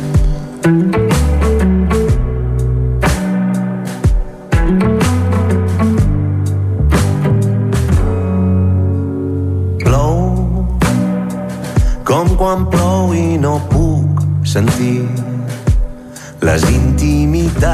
que sé transiten en tu. Prou de cantar i plorar en clau de fa temps que no et veig de fa temps que no diu res de res.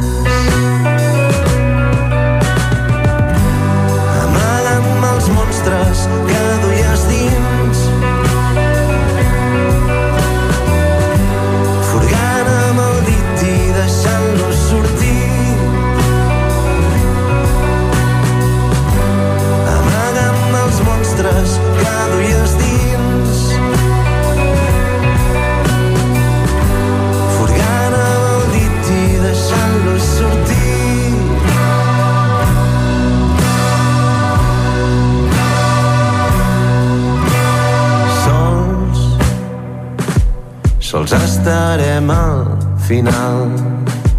Tu saps que ell és mort, però viu, travessant carn i os, ànima i esperit.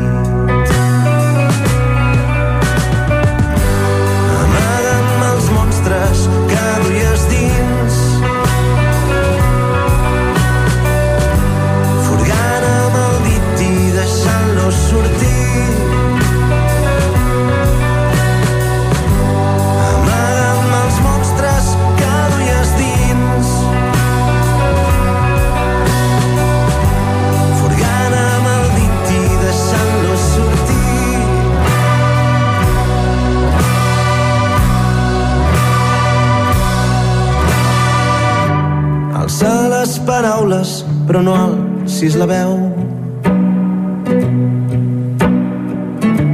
Que tan sols la pluja rega les flors. I un llamp trenca el cel i un tro crida el foc. Que esberla el meu cor quan s'esfuma el verd del bosc.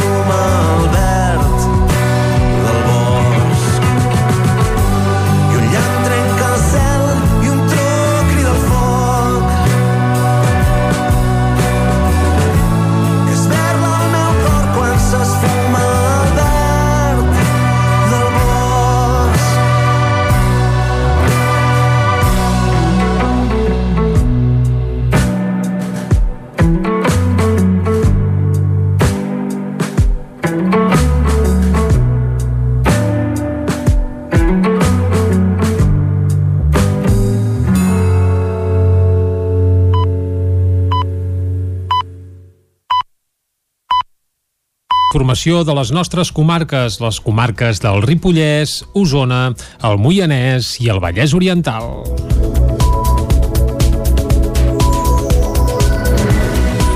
Tres dones denuncien el professor d'una hípica de Vilallonga que va ser absolt al març de tocar el cul a una menor el 2019. Isaac Muntades, des de la veu de Sant Joan. El cas del professor d'hípica de Vilallonga de Ter que va ser absolt per l'Audiència de Girona per abús sexual i que s'enfrontava a una pena de 3 anys de presó per tocar el cul a una menor que era alumna seva continua portant cua. Segons sembla, tres dones més haurien presentat sengles denúncies contra aquest home de forma conjunta el passat 13 d'abril. Les víctimes van denunciar motius similars com, per exemple, tocaments al cul i al pit. El cas pel qual va ser absolt va succeir el gener de l'any 2019 i llavors no es va condemnar l'acusat pel que el relat de la menor no superava el llistó de fiabilitat. Els tres casos denunciats s'haurien produït entre els anys 1996 i 2016. En el primer cas del segle passat, la víctima tenia 17 anys i l'acusava d'haver-li tocat els pits en aquest típica, on anava als estius a ajudar-lo. En el segon cas, l'acusat hauria fet carícies i petons a una noia de 16 anys en unes colònies organitzades pel denunciat. També li hauria tocat el cul i els pits mesos més tard quan li va demanar que l'ajudés a cuidar uns cavalls a l'Hospitalet de Llobregat. Finalment, el tercer cas és el més recent i va passar el 2016. Una noia de 13 anys que anava a les colònies de Vilallonga va dir que li tocava el cul aprofitant que l'ajudava a muntar i també li va xiu-xiuejar a cau d'orella mentre li feia carícies a la panxa presumptament. Quan se'l va absoldre al març, el tribunal va aclarir que no deien que la declaració de la menor fos falsa, fabulada o directament mentida, sinó que simplement que el relat no superava la persistència necessària en els elements essencials de l'acció que s'atribueix a l'acusat per enervar la presumpció d'innocència del professor d'hípica. Ara, amb totes aquestes denúncies conjuntes, a les quals se'ls hi podria sumar una quarta, el professor podria enfrontar-se a més anys de presó si acaben tirant endavant i és condemnat. La Universitat de Vic va celebrar dissabte la novena edició de la FIRS Lego League. Més de 200 alumnes d'entre 10 i 16 anys repartits en 23 equips van participar en el torneig que va guanyar els Lego Làctics de Llinars del Vallès. També hi va haver premis per 4 equips de Manlleu i un de Gurb. Els Lego Làctics de Llinars del Vallès es van proclamar guanyadors de la novena edició de la FIRS Lego League, un torneig que va arrencar divendres a la Facultat de Ciències i Tecnologies de la Universitat de Vic i que es va desenvolupar en un format híbrid.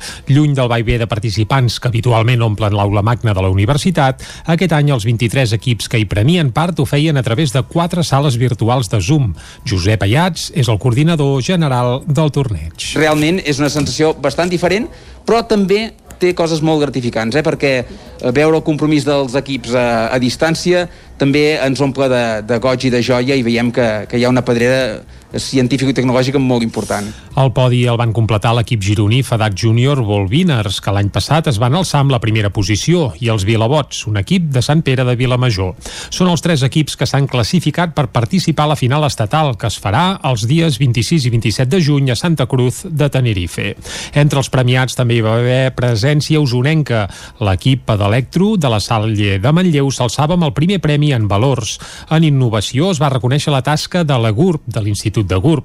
A Manlleu hi van caure tres premis més, el del disseny del robot, els joysticks de l'Escola Casals Gràcia de Manlleu, el de Joves Promeses pels Lego Puig Friends de l'Escola Puigdegut i el premi als entrenadors del robot Replay 4 Wins de l'Escola Quatre Vents. Sentim per aquest ordre a Marc Prat i Anna Maria Prat, entrenadors del robot Replay 4 Wins de l'Escola Quatre Vents de Manlleu. El robot estimula el pensament, vol dir que bueno, és una assignatura que penso que s'anirà implementant a, a tot arreu, mica en mica. perquè abans, com ho van explicar ells ahir, només se jugava a futbol a bàsquet i els altres, eh, doncs, diguéssim, passejaven o parlaven i ningú es movia. I, en canvi, al tenir 12, zo- 12 zones diferenciades de joc, això ha estimulat també, vull dir, que tothom es posi a jugar. El 28 i 29 de maig serà el torn de la tercera edició de la competició internacional First Tech Challenge per a joves d'entre 16 i 20 anys, que celebrarà també en format híbrid des de l'empresa Grup Girbau de Vic. Quim Torra va ser el convidat d'honor a la Festa Verdaguer de Folgueroles, que aquest cap de setmana va acollir els actes més tradicionals del programa. En el seu Parlament, l'expresident va parlar de la tasca de Verdaguer per la llengua i la cultura del país. Amb el públic assegut i sense l'habitual torinesa en què tothom es convidat, es convida a tothom vaja a ballar, aquest diumenge als jardins de Can Dax de Folgueroles s'hi va recuperar el ballet, la dansa més emblemàtica de la Festa Verdaguer, que aquest cap de setmana ha recuperat bona part del seu batec habitual. Xevi Rubiró és l'alcalde de Folgueroles. hem hagut de fer un espectacle de les danses més que la festa de les danses, no? Que hem hagut d'estar asseguts, mirant i no participant. Però bueno, eh, és més normal que no pas l'any passat. El convidat d'honor de la festa va ser enguany l'expresident de la Generalitat, Quim Torra. La seva visita estava pendent des de l'any passat, quan la pandèmia va aturar el país. Diumenge va complir amb el deute pendent i va fer una llarga visita pel poble on va parlar de la tasca que Verdaguer va fer per la llengua i per la cultura. Quim Torra. que a vegades ens quedem molt amb la llengua de Verdaguer, per mi també seria un error, eh, només quedar-se aquí, perquè, i avui crec que en el Parlament va una mica per aquí, és, és, és també l'èxit de- d'una obra eh, extraordinària, d'un nivell europeu que fa que Verdaguer doncs, sigui un, un poeta comparable als més grans a nivell europeu del seu moment. Torra va visitar la Casa Museu Verdaguer i també va recórrer les parades de la Fira de Llibreters de Vell. No, a part ha estat molt divertit perquè he anat amb una de les parades i molt amablement el, el paradista m'ha dit, dic, jo aquí tinc una edició però el, de la parada al costat la té millor i m'ha recomanat la parada al costat, la qual cosa també crec que mostra aquest esperit no? que hi ha avui en aquesta festa de Verdaguer. La Festa Verdaguer havia començat ja divendres amb la presentació de la reedició de l'obra Primavera, un poema que el poeta de Folgueroles va presentar als Jocs Florals de l'any 1896 i que s'ha pogut recuperar gràcies a una troballa del filòleg Ramon Pinyol. L'endemà dissabte també es va fer un concert on s'hi va reivindicar una altra de les veus poètiques del municipi, la Dana d'Odes. Pep Sala i Joan Capdevila publiquen un llibre de memòries i anècdotes sobre el mític disc de Sau Quina nit. 30 anys després de la sortida de l'àlbum, Pep Sala i Joan Capdevila publiquen ara el llibre Quina nit, amb l'edi- amb l'editorial Rosa dels Vents, on expliquen com van viure el procés de creació, gravació, promoció i gira d'un disc que va catapultar ja ho direm bé, catapultar Sau a l'èxit i del qual se'n van vendre més de 100.000 còpies. El disc, gravat entre Barcelona i Londres, inclou la mítica Boig per tu, que és la cançó més radiada de la història del nostre país, i altres himnes que han traspassat generacions, com si un dia he de tornar o és inútil continuar. Els viatges accidentats a Londres i la il·lusió de fer créixer el projecte marquen el fil d'aquest relat en primera persona de com Sau va esdevenir un fenomen musical de gran èxit al nostre país.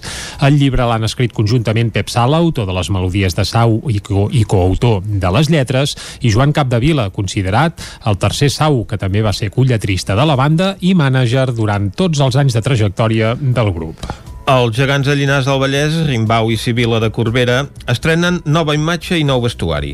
Ho van fer en un espectacle de represa cultural coincidint també amb la celebració dels 10 anys de la colla gegantera La Patufa. David Oladell, de Ràdio Televisió, Cardedeu.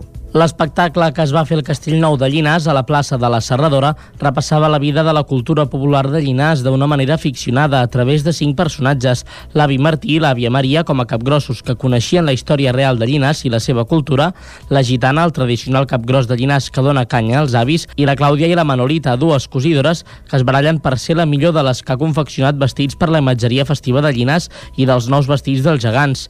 La banda del Gínjol va posar música a l'espectacle i tot el funcionament intern va anar a càrrec dels membres de la colla gegantera La Patufa. Després de set anys de la seva estrena, els gegants han necessitat una restauració d'imatge. Pel que fa a la figura, tant en Rimbau i la Sibila com els gegantons Gilbert i Sansa han estat policromats amb uns acabats molt fins, detallats i realistes després de reparar alguns cops i ratllades. Pel que fa a la part més vistosa, el vestuari dels gegants segueixen la línia dels anteriors, uns pagesos de l'època però amb teixits de gran qualitat i carregats de detalls. A més, per mantenir l'època s'ajusten més als temps que representen. Tot això ha estat fet al taller d'Aitor Calleja, a Navarra. La Sibila s'ha complementat amb un penjoll i arracades noves i un anell. S'ha creat el taller de Mònica Tomàs de Sitges. De la mateixa manera, ara en Rimbau llueix un anell amb l'escut dels Corbera. Al mateix temps, i per tal de celebrar els 10 anys de la colla gegantera La Patufa i de la recuperació de la tradició gegantera a la vila, s'ha fet un nou vestuari pels quatre capgrossos de protocol, el tomàquet, l'albergínia, la castanya i el pebrot, que representen una fulla de la seva planta.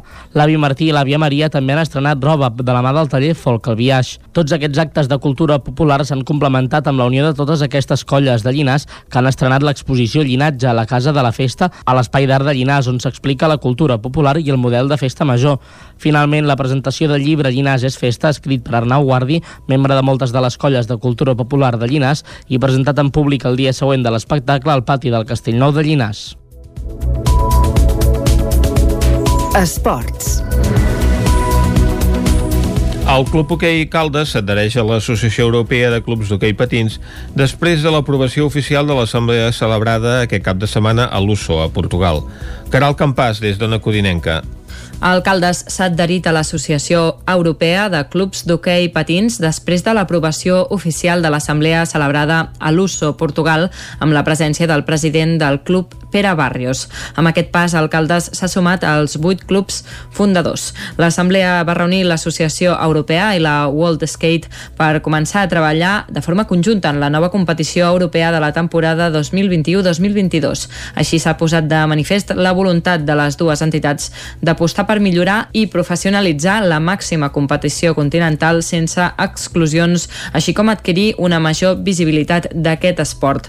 El Club d'Hoquei Caldes, per la seva banda, ha manifestat en un comunicat la seva satisfacció per unir-se a un projecte ambiciós i de futur liderat per als millors equips del continent. A més, ha expressat la seva intenció d'ajudar a créixer i consolidar el projecte comú d'aquest esport. I fins aquí el butlletí informatiu que us hem ofert amb Vicenç Vigues, David Auladell, Caral Campàs i Isaac Muntades. Ara el que toca, abans d'anar cap a l'entrevista, és fer una nova ullada a la situació meteorològica.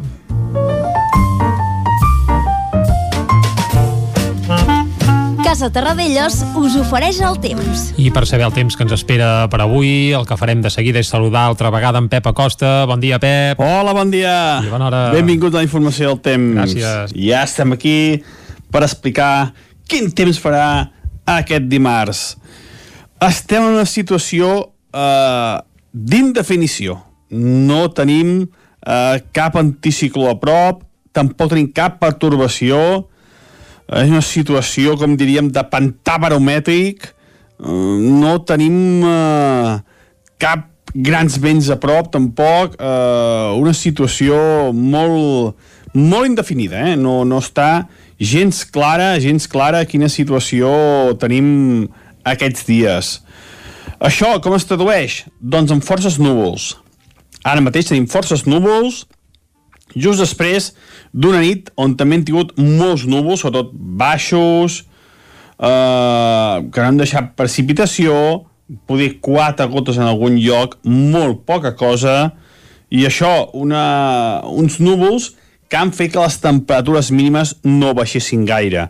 I eh, continuar aquesta situació d'indefinició durant tot el dia. Eh? Eh, I a la tarda creixeran nuvolades cap a la zona del Pirineu, sobretot el nostre Pirineu oriental, és on creixeran més nuvolades. No és impossible quatre gotes. Si es arriben a caure eh, seran molt poc importants, molt poca cosa i unes temperatures molt semblants a les d'ahir. La majoria de les màximes entre els 18, 22, 23 graus a tot estirar. Temperatures bastant a ratlla, bastant normals per l'època de l'any.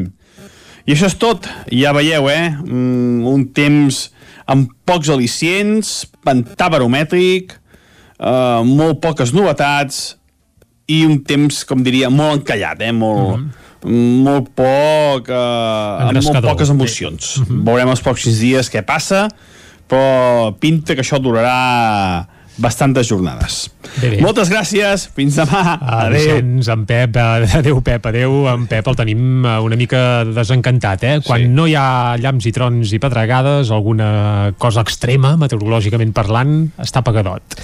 Bé, ara fa Bé. aquests dies de primavera amb temperatures elevades, això sí, perquè hi ha hagut màximes molt altes, però bé, encara glaça, eh, algun punt del territori 17, perquè ull de ter no se n'escapen. Ah, però Sant a Sadurní d'Usur Mort i- potser sí. I a se Núria, a escapat. Núria eh? estan, estan eh, a punt a punt de, de glaciació. I a Sant Sadurní Home, d'Usur de glaciació potser no serà tant. No, No, no, no, tant. han, s'hi han acostat als eh, 0 graus, però no, Mhm. no hi han arribat, tot i que ara ja hi ha temperatures elevades, eh, com 9 graus a Núria. Uf, això és de màniga curta, eh? Per Núria gairebé. Sí, Exacte. I a Sant Sadurní d'Usur Mort, doncs, eh, la veritat és que la situació és molt diferent a la que relatàvem unes setmanes enrere, perquè han tingut una mínima de 5 graus i mig, per tant... Arriba la primavera a Sant Sadurní, també. Tot i això és de les més baixes que, Mhm. que hi ha hagut al territori 17, en el, a la majoria de pobles del territori 17. Vicenç, tanquem el bloc eh, meteorològic, I sí, i anem cap a l'entrevista. Vinga, seguim. Casa Tarradellas us ha ofert aquest espai. Territori 17. Envia'ns les teves notes de veu per WhatsApp al 646 079 023. 646 079 023. WhatsApp Territori 17.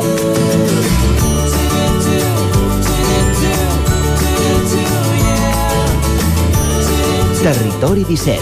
Som a Facebook, Twitter i Instagram amb l'usuari Territori 17.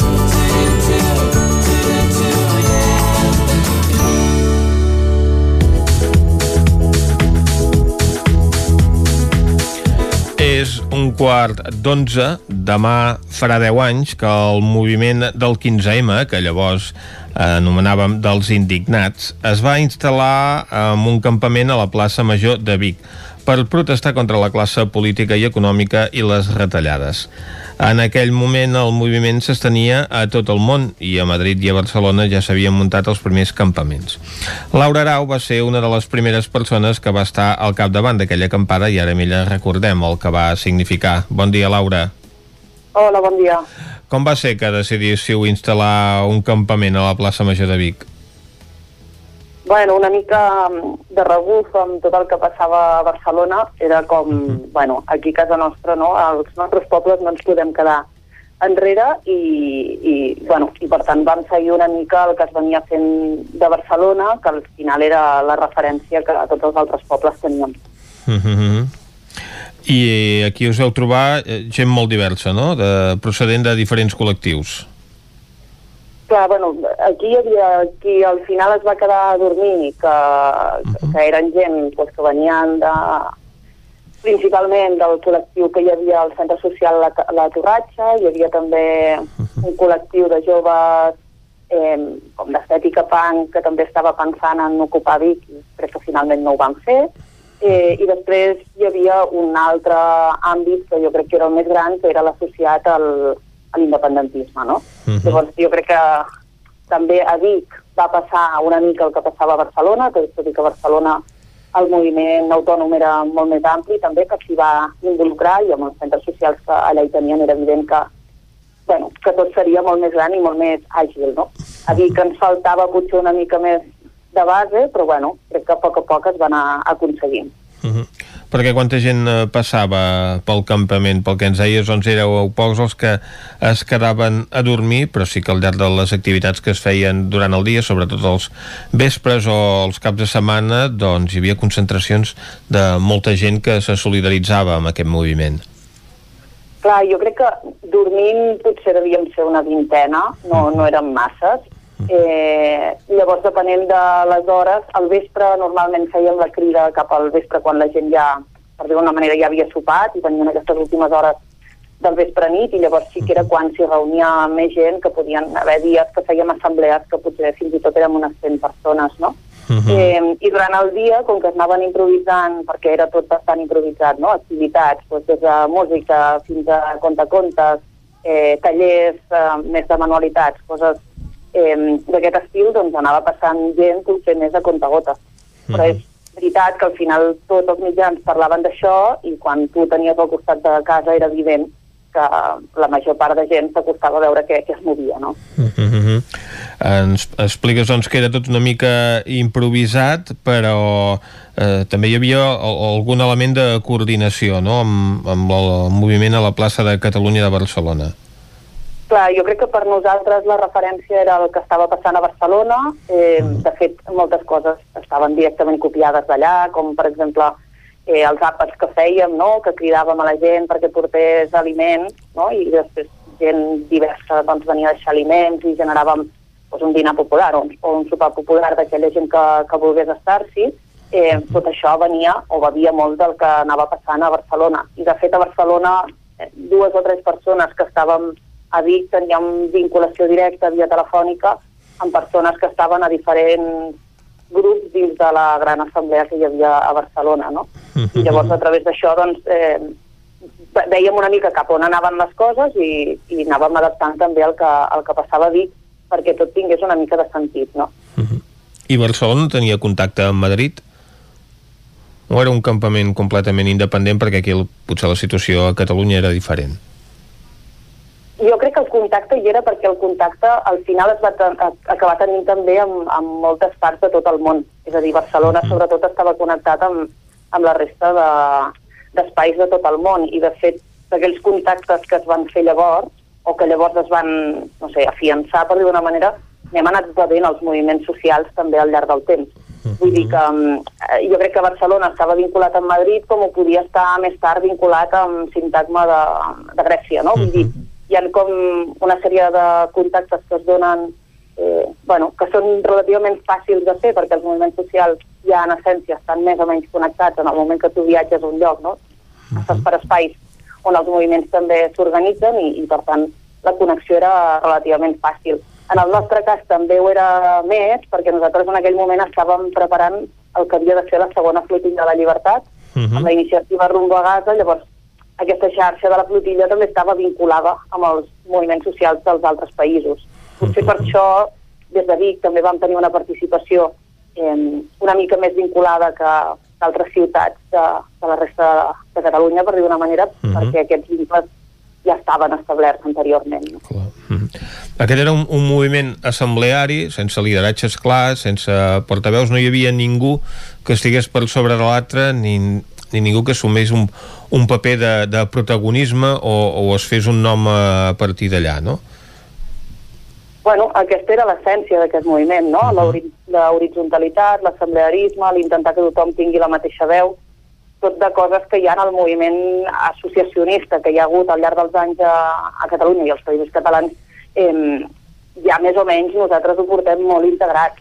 També és un espai on els moviments autònoms, no? principalment de Barcelona, aquest tipus d'assemblees i tal, també estaven molt acostumats a través dels centres socials i tot plegat, llavors jo crec que va ser mm, molt fàcil aquesta horizontalitat i al final era mostrar que, que des de baix tots, poder, tots podíem tenir veu i si ens ajuntàvem i funcionàvem alhora, doncs podíem aconseguir coses, no? Com es va veure més tard, no? Com, com un tot del títol, com aquell qui diu, doncs es va poder rodejar al Parlament. Uh -huh. Uh, el que sí que, que veiem era gent de totes les edats, a part de uh, la gent més jove que us poguéssiu quedar uh, a dormir a la plaça en aquestes assemblees, doncs hi participava des de gent gran o intervenia o hi assistia i fins i tot famílies senceres no? veiem també doncs, eh, hi havia imatges de moltes famílies amb la canalla participant de les cassolades i de les diferents activitats i ens n'has parlat doncs, que n'hi havia també de, de dirigides a la canalla mm. clar, és que jo, jo ara, tirant una mica la vista enrere, m'ho imagino molt també com tot el moviment que va aconseguir pues, l'Assemblea, no? Uh, amb, al final es va acabar, no? en el moviment independentista s'hi ha acabat sumant el que abans potser venia de col·lectius més reduïts, no? i que, que es considerava molt de la- de l'esquerra radical, eh, uh -huh. l'Assemblea va aconseguir, i Òmnium també, no? eh, que, que hi hagués tot una corrent de gent molt diversa, eh, intergeneracional, que es sumessin a, a una mateixa història. I això, en el fons, jo crec que té molt a veure amb el que va passar el 15M, no? El 15M va ser una, bueno, una primera posada en escena de, de que això era possible, de que, de fet, a nivell intergeneracional jo crec que és superbo que els col·lectius no? es, es creuin amb gent de diverses edats perquè venen ja o sumen una sèrie d'experiències molt diferents i les visions també, no? I tot això acaba generant un relat col·lectiu que jo crec que és molt enriquidor. Llavors, jo crec que és una de les, una de l'essència que tenia aquest 15M, no? Aquest uh, fet intergeneracional que, que sobretot quan arribava més al vespre es podia veure amb les assemblees, quan ens assentàvem al mig de la plaça i podies veure gent de, de totes les edats. Uh -huh. Uh, ens eh, comentaves doncs, que uh, uh, la gent del carrer, els veïns, doncs, us ajudaven. Jo no sé els veïns com veien aquesta acampada a la plaça Major de Vic, que a diferència de la plaça Catalunya o de la Puerta del Sol, doncs, uh, és una plaça on, on hi ha veïns, on hi ha gent que hi viu i potser el fet de que hi muntin una acampada permanent els pot generar alguna molèstia. Probablement, ara no ho tinc gens clar, que, que saps, que quins moviments hi podien haver llavors.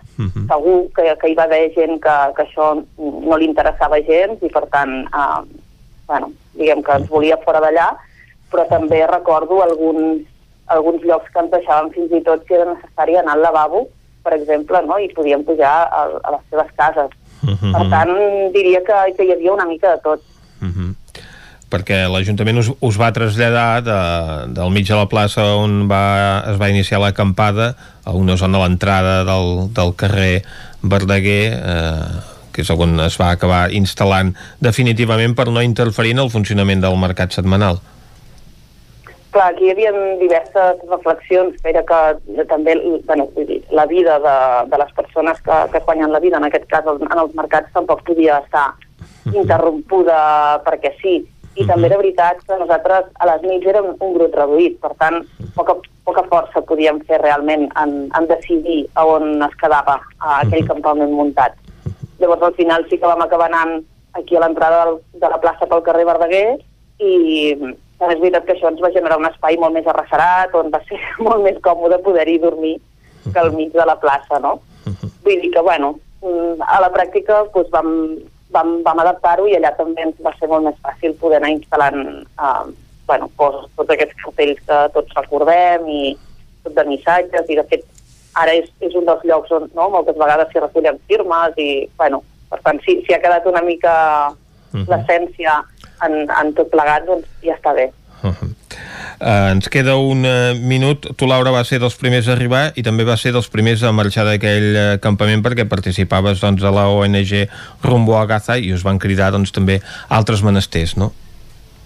Sí, en aquell moment estàvem organitzant, com he dit abans, la segona flotilla de la llibertat, amb uh -huh. uns vaixells que la majoria no van poder acabar sortint de Grècia finalment, però, però sí, sí, nosaltres vam haver de marxar d'allà pues, amb, amb la vinculació. Llavors ens vam trobar que quan vam arribar a Grècia tothom ens preguntava eh, sobre què estava passant a, a Catalunya i sobretot també tenien Sol com, no, la plaça del Sol com a referència i, bueno, va, va ser molt xulo poder creuar aquests uh, dos moviments que en el fons crec que veuen molt del mateix, no? Uh -huh. uh, Rumbo a Gaza també s'organitzaven petites assemblees als pobles, eh, parlava qui dins del col·lectiu se sentia més preparat o, o qui el col·lectiu decidia, per tant, aquesta horitzontalitat jo crec que és algo que a nivell de moviments socials Se'ns acaba el temps, Laura, ve la desconnexió de publicitat. Gràcies per recordar aquells moments. gràcies a vosaltres. El nou FM, la ràdio de casa, al 92.8. Mudances a la carta. Som especialistes en muntatge i desmuntatge de mobles. Oferim servei de guardamobles i fem mudances a tot el territori. Trasllats de pianos i peces delicades i també fem embalatge i protegim. Mudances a la carta. Serveis adaptats a cada client. Ens trobaràs al telèfon 605 04 34 75. Cada joia és un art. Joier J. Garcia, taller propi de joieria i rellotgeria. Joies úniques, peces artesanals, dissenys exclusius i personalitzats. Rellotges, anells, braçalets i molt més. Joier J. Garcia, ens trobaràs a la Rambla de Vallada 6 i a la carretera de la Guixa 10 de Vic i a Tona, al carrer Barcelona número 17. També a Instagram i a jgarciajoyer.com. La Cakery. Pastissos personalitzats, galetes, cookies, brownies i molt més. Ens trobaràs a Vic, al carrer de Gurb 34 Baixos, al telèfon 93 886 70 51 i també a Instagram i Facebook. Armínia Pineda, tot en tèxtils per a la decoració. T'ajudem a aconseguir l'ambient que tu vulguis. Disposem d'un gran assortit de teles, coixins i roba mida per autocaravanes. Armínia Pineda, som al carrer de la Bòbila número 1 dels Hostalets de Balanya. Can Xalant, moda i complements. Nova temporada primavera-estiu. Moda home-dona, nen-nena, sabates, bosses de mà, maletes, complements i molt més. Vine a veure, ens trobaràs una secció d'ofertes amb roba de la temporada passada a 10 euros i 19 euros. Vine a Can Xalant, ens trobaràs al carrer Sant Tomàs número 6 de Call d'Atenes. També a Instagram i Facebook. Telepizza Vic. Vine a descobrir les nostres ofertes. Tots els dimarts ens tornem bojos, pizzas mitjanes a un preu irresistible i tots els dijous, Family Days. Gaudeix tota la setmana del triple de Telepizza per 7 euros amb 25 cèntims cada una si les passes a recollir. Telepizza Vic. Som a la carretera de la Guixa, número 12. Automòbils Pla de Vall. Som una empresa familiar amb 36 anys d'experiència en la compra-venda de cotxes nous, seminous i d'ocasió. Els nostres vehicles són completament revisats abans de la seva entrega al client, amb els manteniments al dia i amb garantia personalitzada. Finançament a mida del client. Vine a Automòbils Pla de Vall i t'assessorarem. Som a la carretera de la Guixa, número 1719 de Vic. El nou FM, la ràdio de casa, al 92.8.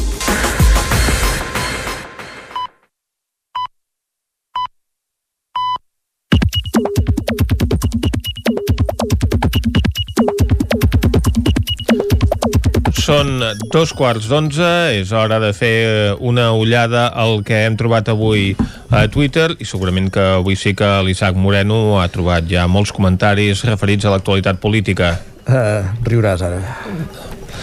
Uh, dels, ah, doncs uh, hauran parlat del Soler de Nuc, per exemple. No, bàsicament el problema el tenim, és un problema intern. Ah. ah espera, espera, és que, en fi...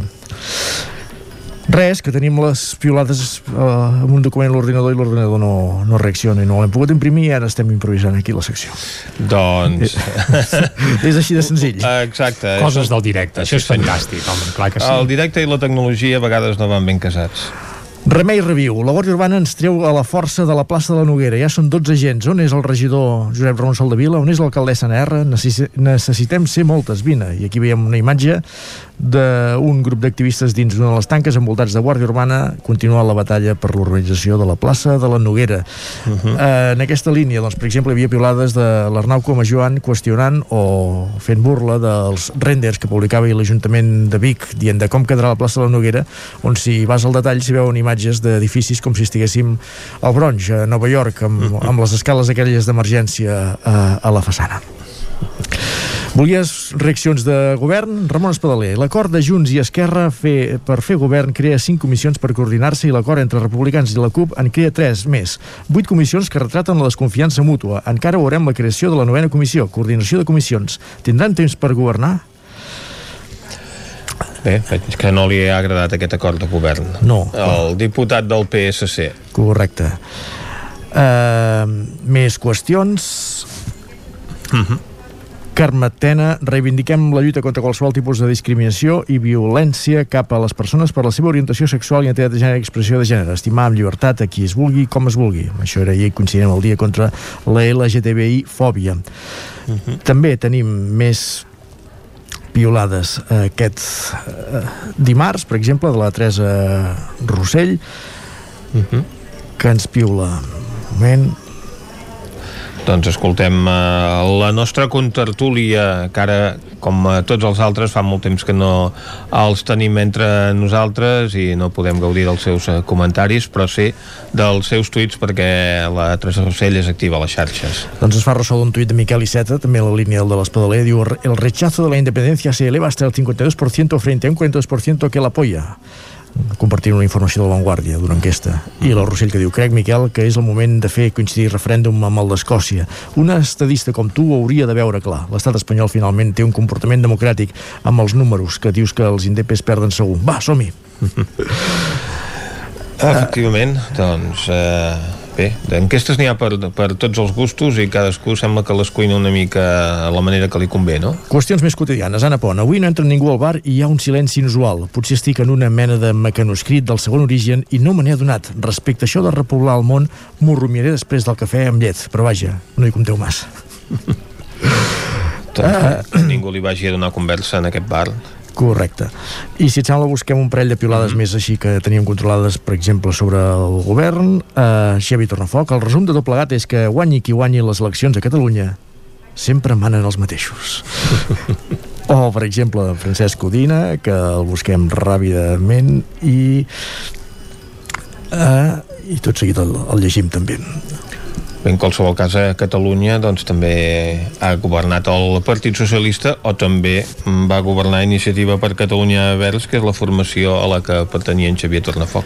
Francesc Codina, com dèiem, l'esquerra de l'esquerra no vol participar en un govern pactat entre l'esquerra i el centre-dreta, però presidit per l'esquerra. D'aquesta manera el podran criticar a ple, però obvien el fet que si s'hi haguessin sumat, el govern resultant hauria decantat s'hauria decantat més a l'esquerra. Anem a repassar les portades del 99.cat. Vallès Oriental. La C-59 tindrà una segona línia rugosa per separar els sentits en 5 quilòmetres al nord de Sant Feliu.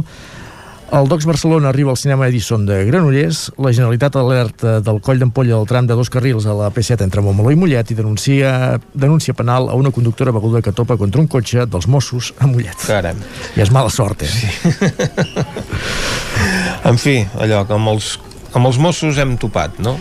Osona i el Ripollès. Continuen les protestes a la plaça de la Noguera de Vic, com us dèiem. Una predenca a Ravensburg, el reportatge que podíem llegir divendres a les pàgines del 9-9. Fruit s'agarra entre el capital de la Tavella de Sant Tomàs i comencen les obres eh, i també, com dèiem, l'urbanització de la colònia Lleudet s'acabarà al juny. Doncs, Isaac, moltes gràcies. No hi ha de què, bon dia. Ara nosaltres anem a la taula de redacció. Territori 17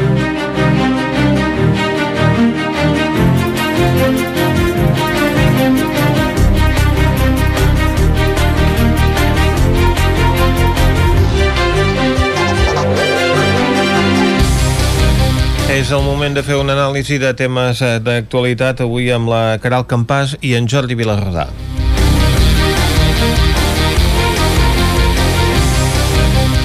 Comencem, Caral, parlant de l'Encodines Trail, perquè aquesta cursa, en aquesta edició que es farà el dia 29, farà testos d'antígens a tots els participants. Sí, uh, exactament. Uh, mireu, ja uh, finalment, després de tres ajornaments, doncs, com comentes, es podrà uh, realitzar la prova el 29 de maig i l'equip uh, organitzador ha decidit incorporar diverses qüestions per fer-ho de manera segura i una d'aquestes és, com apuntaves, doncs, els tests d'antígens que es faran doncs, a tots els participants i també als organitzadors.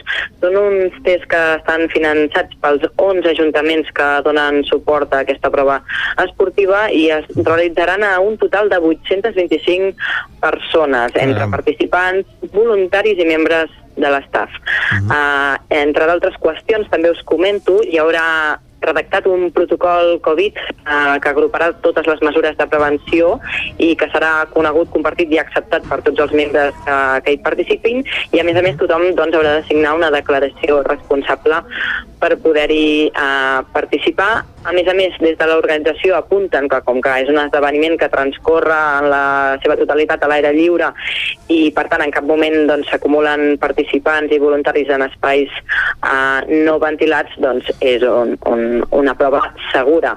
Uh, en aquest sentit, uh, inicialment sí que hi havia alguns, algunes zones tancades previstes en l'edició que s'havia de fer el 21 de març de 2020, eh, en alguns espais doncs, d'avituallaments, i aquests s'han suprimit, per tant, Uh, ara mateix l'esdeveniment transcorre doncs, amb la seva totalitat uh, a l'aire lliure i uh, una altra de les uh, iniciatives que uh, han dut a terme doncs, perquè sigui un espai segur a nivell de, doncs, de virus uh, comenten que l'equip organitzador ha sumat una persona que serà responsable Covid i serà doncs, l'encarregat o encarregada de dissenyar i fer el seguiment de totes aquestes mesures de prevenció. Mm, I que és la persona que podrà prendre decisions en aquest sentit, no?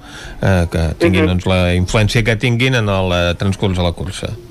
Sí, eh, és una, doncs, serà una persona que supervisarà totes aquestes qüestions a, al llarg de la prova.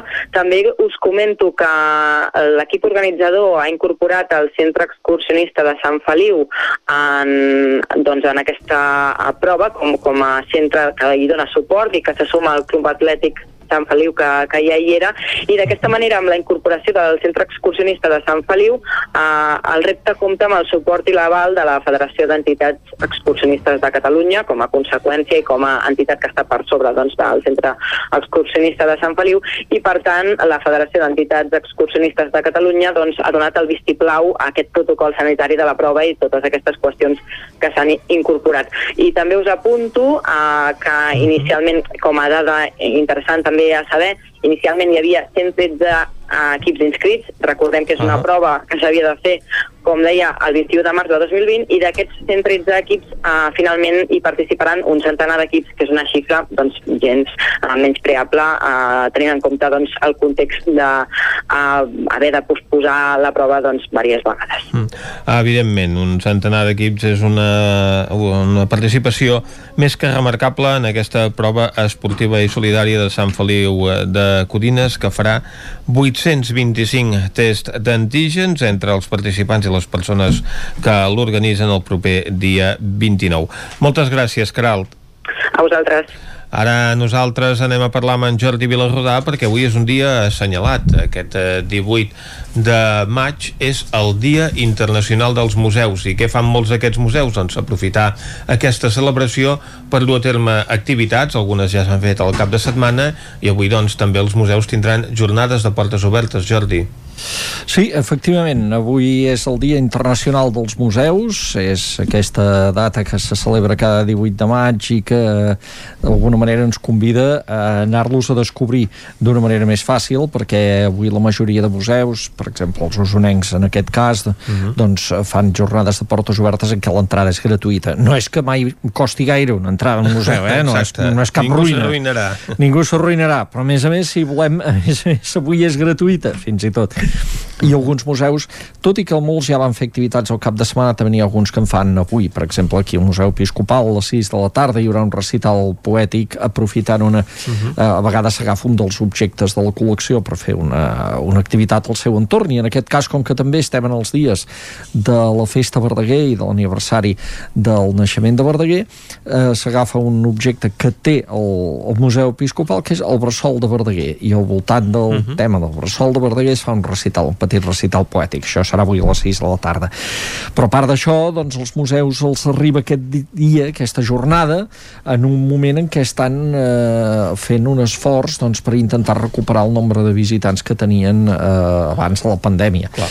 Les dades, eh, a veure, ara fa un temps que el Departament de Cultura de la Generalitat no les publica perquè volia evitar també que sigués aquells rànquings de museus en què sempre solia haver-hi que la dada aquella de que el museu més visitat de Catalunya era el Museu del Barça. Uh -huh. I, i, i per evitar una mica això tampoc donen les dades però sí que, a veure, parlant amb responsables del, en aquest cas de museus usonencs eh, ens deien que el, la baixada de l'any passat s'ha de situar entre el 60 i el 80% eh, de, en el 2020 respecte a la mitjana que portaven d'anys anteriors per què? No només perquè van caure a partir del març les visites, és a dir, a partir dels mesos que venien bons, que són els de l'estiu i primavera, les visites de, de visitants regulars, diguem, del, del visitant eh, estàndard, i, sinó que també els va influir molt la, la caiguda o la desaparició pràctica de les visites escolars, que amb el començament de curs tampoc es van recuperar perquè hi havia els confinaments locals, moltes dificultats per desplaçament, eh,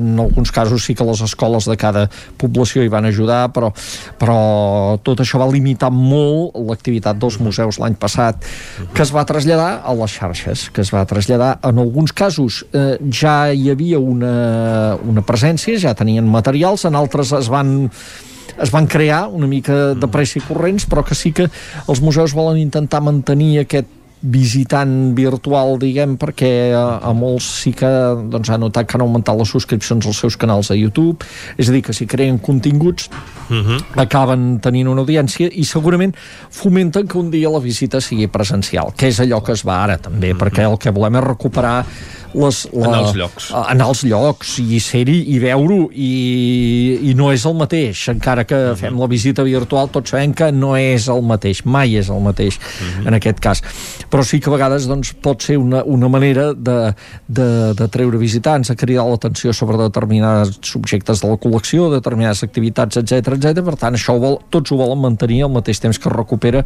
la presencialitat que ara ja compten doncs, que aquest estiu sigui un estiu normal, entre cometes, eh, si, si a més a més doncs, contem que ja puguin venir alguns visitants de fora, com dèiem mm -hmm. l'altre dia en el cas del Museu Episcopal de Vic, Exacte. especialment import, important el col·lectiu de visitants francesos. No? Aquests ja són tots a la Barceloneta aquests últims sí, caps de setmana. Però em sembla, per tant, em sembla que algun d'aquests el... li veia poca cara de... D'anar al museu. De conèixer les col·leccions del romànic i el gòtic de Vic. A Madrid sí que hi anaven, es veu. Però... A Madrid hi anaven molt. Eh, els de Madrid anaven sí. tots interessats pels museus que hi ha a la capital espanyola espanyola. I afegim una informació també d'una cosa que passa aquesta setmana, una mica coincidint amb totes aquesta, amb el Dia Internacional dels Museus, que és que el Museu Episcopal de Vic presenta el seu pla estratègic aquest dijous a les 6 de la tarda, en un acte que es podrà seguir presencialment amb aforament limitat, però també pel canal de YouTube del museu.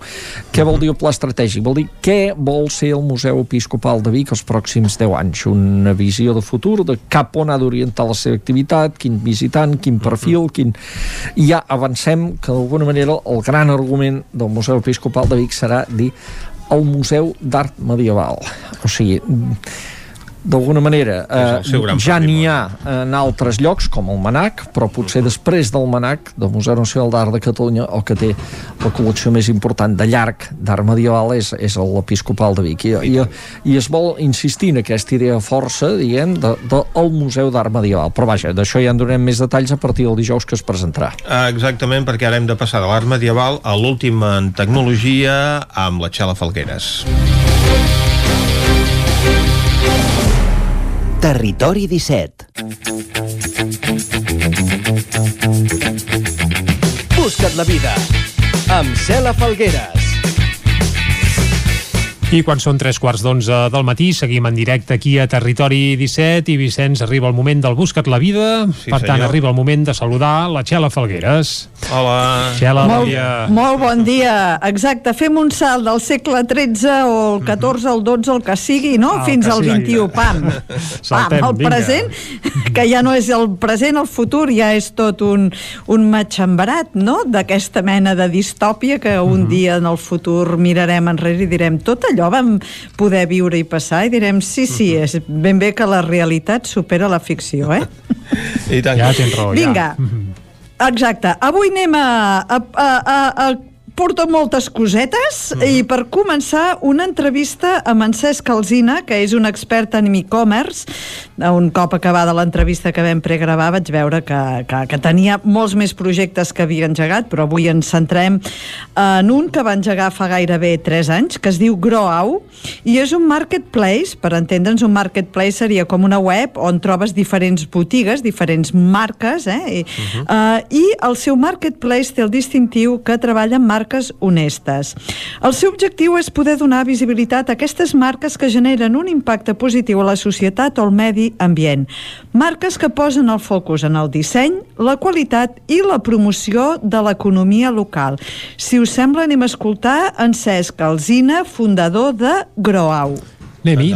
Qui hi ha darrere de Groau?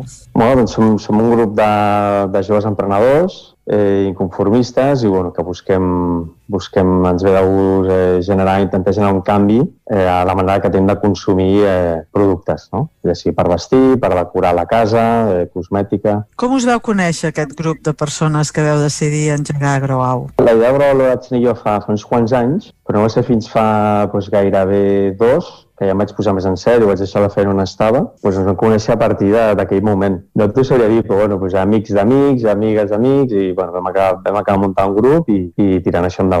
El vostre lema és un marketplace de marques honestes. Com es pot traspassar tots aquests valors de marques honestes eh, amb un marketplace i que tingui un valor diferencial?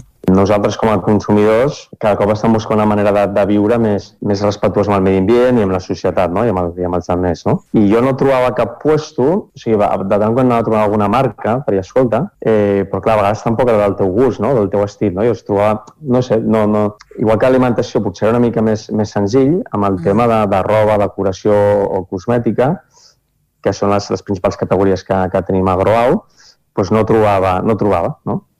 I va venir una mica per aquí, doncs de, de, de veure aquest problema o de que jo tenia aquesta necessitat i que no, tro no trobar un lloc on estigui, tot, on estigui tot, això, tot això agregat. I després també va sortir una mica perquè, perquè bueno, jo també vinc del, del món de la publicitat eh, online i d'e-commerce, eh, de, de, ja fa doncs, gairebé 12 anys, i bueno, el que m'està donant compte també és que el, que el mercat publicitari online ja s'està començant a saturar i s'està saturant i cada cop es saturarà més, perquè també doncs, és això, no? de grans marques o grans anunciants que abans tenien publicitat en medis més tradicionals, l'estan movent a online, ara és molt més fàcil fer publicitat online, està molt més eh, democratitzat, i al final doncs, l'espai s'està saturant. No? Jo, jo el que estava veient i, i veig a dia d'avui també és com que el mercat publicitari online s'està saturant, aquestes marques cada cop ho estan tenint més difícil i ho tindrà més difícil per, per donar-se a conèixer, no? que per tant no, no, no aconsegueixen doncs, maximitzar els seus impactes positius no? i per tant doncs, bueno, fa, a la meva manera d'entendre doncs, fa que, que, eh, que, el, que el no poder maximitzar aquests impactes positius que es generen doncs, que la societat o el planeta no siguin més un, un lloc millor per viure, més justos, no? més, més respectuosos. No? I us venia també una mica per aquí, no? perquè jo no trobava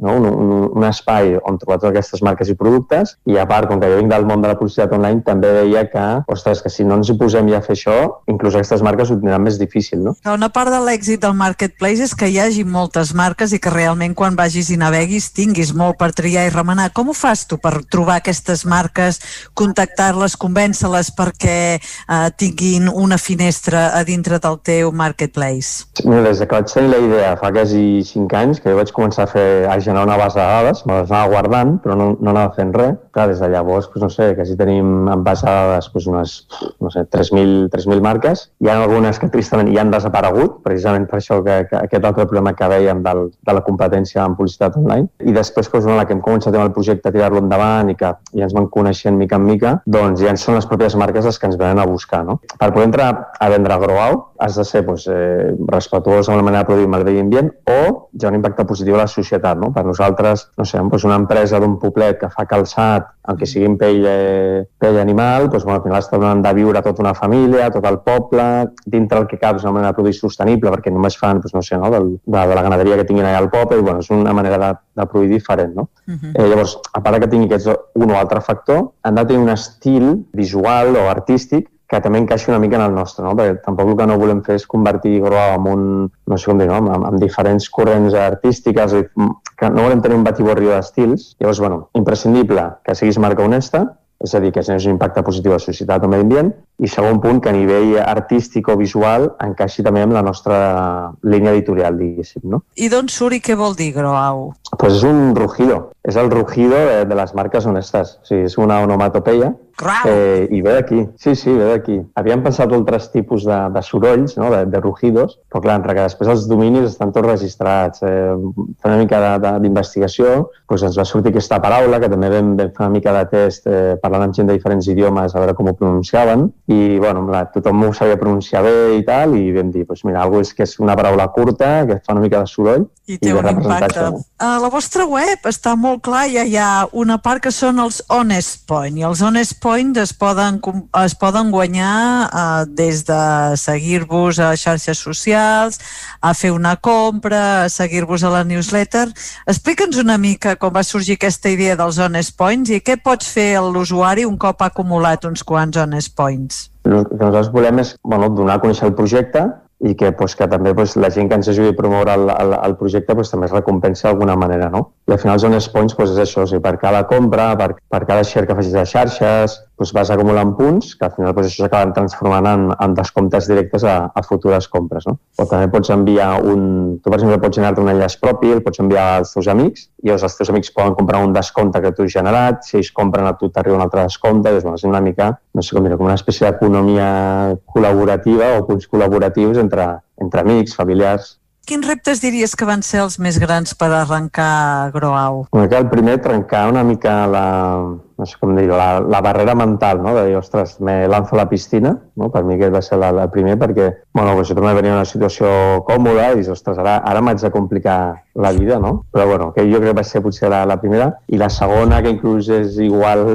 igual el més important, és la financiació, no? Que, bueno, ara estem també, estem en una ronda de financiació oberta ara mateix, i ja tenim un, un, un inversor interessat i, i bueno, ja palabra també principi d'entrar, però bueno, al final per poder fer créixer el projecte ràpidament necessitem financiació, no? I això també bueno, és un dels principals o principal repte que tenim ara mateix. Resumint-ho, tenim hi ha com tres potes importants ara mateix, no? Eh, aconseguir oferta, eh, generar demanda i aconseguir financiació. Les altres dues ho tenim cobert ens falta la financiació. Com creieu que us ha afectat la pandèmia? A nosaltres ens ha, ens ha favorit positivament de dues maneres. Un, perquè a nivell mentalitat sí que sembla que, que la gent ara és més conscient i que vol viure una mica més a poc a poc, diguéssim. També el bo és que ara, ara hi ha molta més informació, tot i que encara les grans companyies parlen de sostenibilitat i no és real, no? que això també hi ha molta controvèrsia, no? el greenwashing. Bueno, per sort cada cop hi ha més informació i els, els usuaris tenen més, més, eh, poden prendre decisions més acertades. En aquest sentit, això ens ha favorit i també ens ha favorit perquè abans quan anàvem a trucar a porta d'algunes marques no, no els interessava, no veien la necessitat de vendre online, no? Ells ja tenen la seva botigueta eh, i, bueno, no, no, no, es volen complicar la vida, no? Quan va començar tota la pandèmia, etc etc, doncs s'han vist forçats a... Bueno, alguns ens han, ens han vingut a contactar de nou, no? I ha sigut com abans tenim una labor educativa que nosaltres no podíem assumir perquè a nivell de recursos de personal i temps no, no podíem assumir i d'alguna manera quan va estar ja tot, tot aquest eh, jaleo pues, eh, bueno, no, ens hem estalviat aquesta labor educativa, no? per dir-ho d'alguna manera. Com utilitzeu les xarxes socials per arribar als vostres clients? Creieu que són un punt clau per transmetre el vostre missatge? Sí, és eh, punt primordial. Vull dir, jo crec que per, per nosaltres o inclús per qualsevol empresa, no? al final eh, a xarxes socials tens un poder d'alcance que no el tens a cap altre medi publicitari, jo crec. No? O sigui, a dia d'avui, això és dada real, més de la meitat de la població global té un perfil una xarxa social, no? I, bueno, doncs, aprofitem això per, per explotar-ho, no? Quin és el que us sí. està funcionant més bé? No, aquí podria, podria potser estar una hora xerrant d'aquests temes, eh? perquè jo vinc d'aquí, però però bueno, depèn de l'etapa que tu vulguis atacar. Hi ha algunes xarxes que funcionen més bé per donar-te a conèixer, altres que funcionen millor per generar ventes a, a curt termini, no? Doncs, bueno, nosaltres hem jugant doncs, ara mateix amb, amb les més clàssiques, no? Pues, eh, Instagram i Facebook, és al principi hi ha més volum de, de població, però bueno, també anem tocant cosetes a Pinterest, a TikTok, o sigui, no, no deixen enrere les altres, no? Com que tampoc tenim molt pressupost, fins que no tinguem de financiació, doncs, bueno, hem d'anar afilant molt prim i, i cada euro que invertim o cada segon del nostre temps que invertim l'hem d'intentar rentabilitzar el, el màxim possible. Quins plans teniu pels propers mesos? Suposem que arribareu a, a tancar alguna ronda de finançament. Què fareu quan tingueu aquests eh, fons disponibles per créixer? L'objectiu és, és tancar aquesta ronda ara aquest trimestre si podem i bàsicament anirà directe a incrementar el nostre pressupost eh, publicitari amb un 70% bàsicament per intentar accelerar el creixement, no? que és el que necessitem. Després, lògicament, doncs, bueno, amb, amb contractació de més, de més gent per l'equip, perquè ja no donem abast, i en desenvolupaments tecnològics, no? amb, amb automatitzar molts processos, que ja tenim bastanta cosa automatitzada, però bueno, al final és automatitzar processos, eh, millorar sincronitzacions de catàlegs, i també estem valorant la possibilitat d'obrir un magatzem propi. O sigui, ara nosaltres hem començat, o sigui, al final, les marques, com, com aconseguim que les marques honestes maximitzin els seus impactes positius? No? Pues, el primer, pues, mitjançant les ventes. No? Si venen més, podran generar més impactes positius i creixeran més. No? Des ara ens estem centrant aquí, però després també volem ajudar a aquestes marques a, amb més serveis. No? I això passa pas, per exemple, per, per eh, tenir un magatzem que els serveixin elles per, per estocar-se allà, que els surti més econòmic, ficar-nos en temes d'enviament també per controlar tots el, els punts de contacte de, amb el client final. Anirà una mica per aquí. Francesc, us desitjo molts èxits amb Groau, que creixeu molt, que aconseguiu els vostres objectius i a veure si en un any tornem a parlar i m'expliques com de bé us està anant tot. Clar que sí. Moltíssimes gràcies. Si esteu pensant en les vacances d'estiu, en el pont aquest que vindrà de la segona Pasqua, el que sigui, tinc una app estupenda que es diu Escapada Rural. Bé, de fet, eh, no és només una app, sinó que també té la versió web i està disponible per totes bandes, ara us diré co, eh?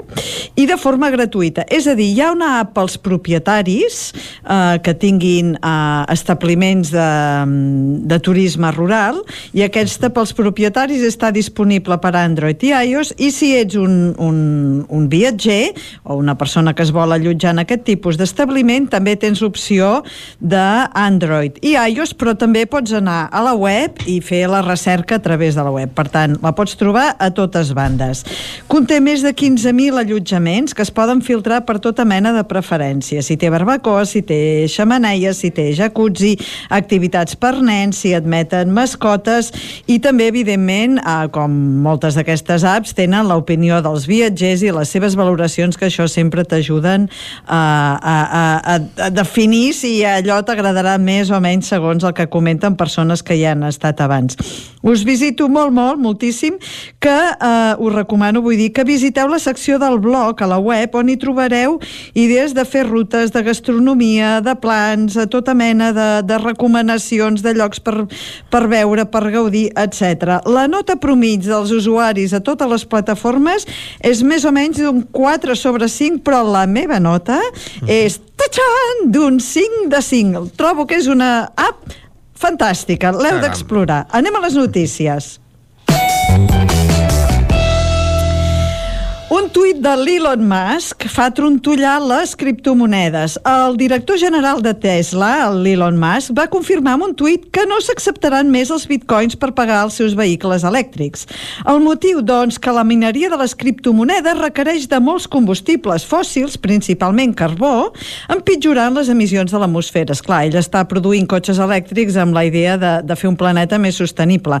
Però si paguem en criptomonedes i eh, la mineria, és a dir, el procés per generar aquestes criptomonedes necessita molts recursos, eh, doncs clar, al final mm, no surt el, el, les emissions zeros no surten per enlloc. El tema és que aquest tuit va fer caure la valoració del Bitcoin a més d'un 4%. Si recordeu, la setmana passada van comentar que el Corte Inglés havia registrat el nom de Bitcoin, Bitcoin i això era un indici que les seves eh, possibles intencions d'entrar al mercat de les criptomonedes. Jo em pregunto que a veure si potser s'ho repensarà. I per acabar, Anem a parlar d'un estudi recent de IABS Spain i Elogia que esbossa els principals tendències en l'ús de les xarxes socials a Espanya. No sé si és per, per repensar-s'ho, per començar o per arrencar a córrer. Us dono unes quantes dades. A Espanya hi ha més de 26 milions de persones que utilitzen les xarxes amb un percentatge bastant igualat entre dones i homes, un 51% de dones i un 49% d'homes. WhatsApp és la xarxa més utilitzada seguida de Facebook i YouTube. TikTok és el que més ha crescut en usuaris el 2020, seguida de Telegram i Pinterest. Snapchat està siguent la Sembla que tenim Xela. un problema per Sí. escoltar la Xela. Aviam, Xela, provem-ho de nou. Uh, vale, no sé si uh, heu perdut. Um, Bé, no, la, la veritat és que aquestes darreres frases ens arriben aquí molt atropellades, eh? Mm. Xela, molt bon dia, altra vegada. A veure si recuperem la connexió. Doncs sembla Bé, que no sí, és crec que- aquesta connexió amb Cardedeu. Bé, de tota manera, estàvem ja a la traca final del Busca't la vida. Xela, ho deixem aquí. Moltes gràcies. Mirarem de resoldre aquests problemes de comunicació, de so, i el que farem nosaltres ara, quan són les 11 i un minut del matí, és seguir aquí a Territori 17 i seguirem acostant-vos de nou l'actualitat de les nostres comarques, les comarques del Ripollès, Osona, el Moianès i el Vallès Oriental. Territori 17, amb Vicenç Vigues i Jordi Sunyer.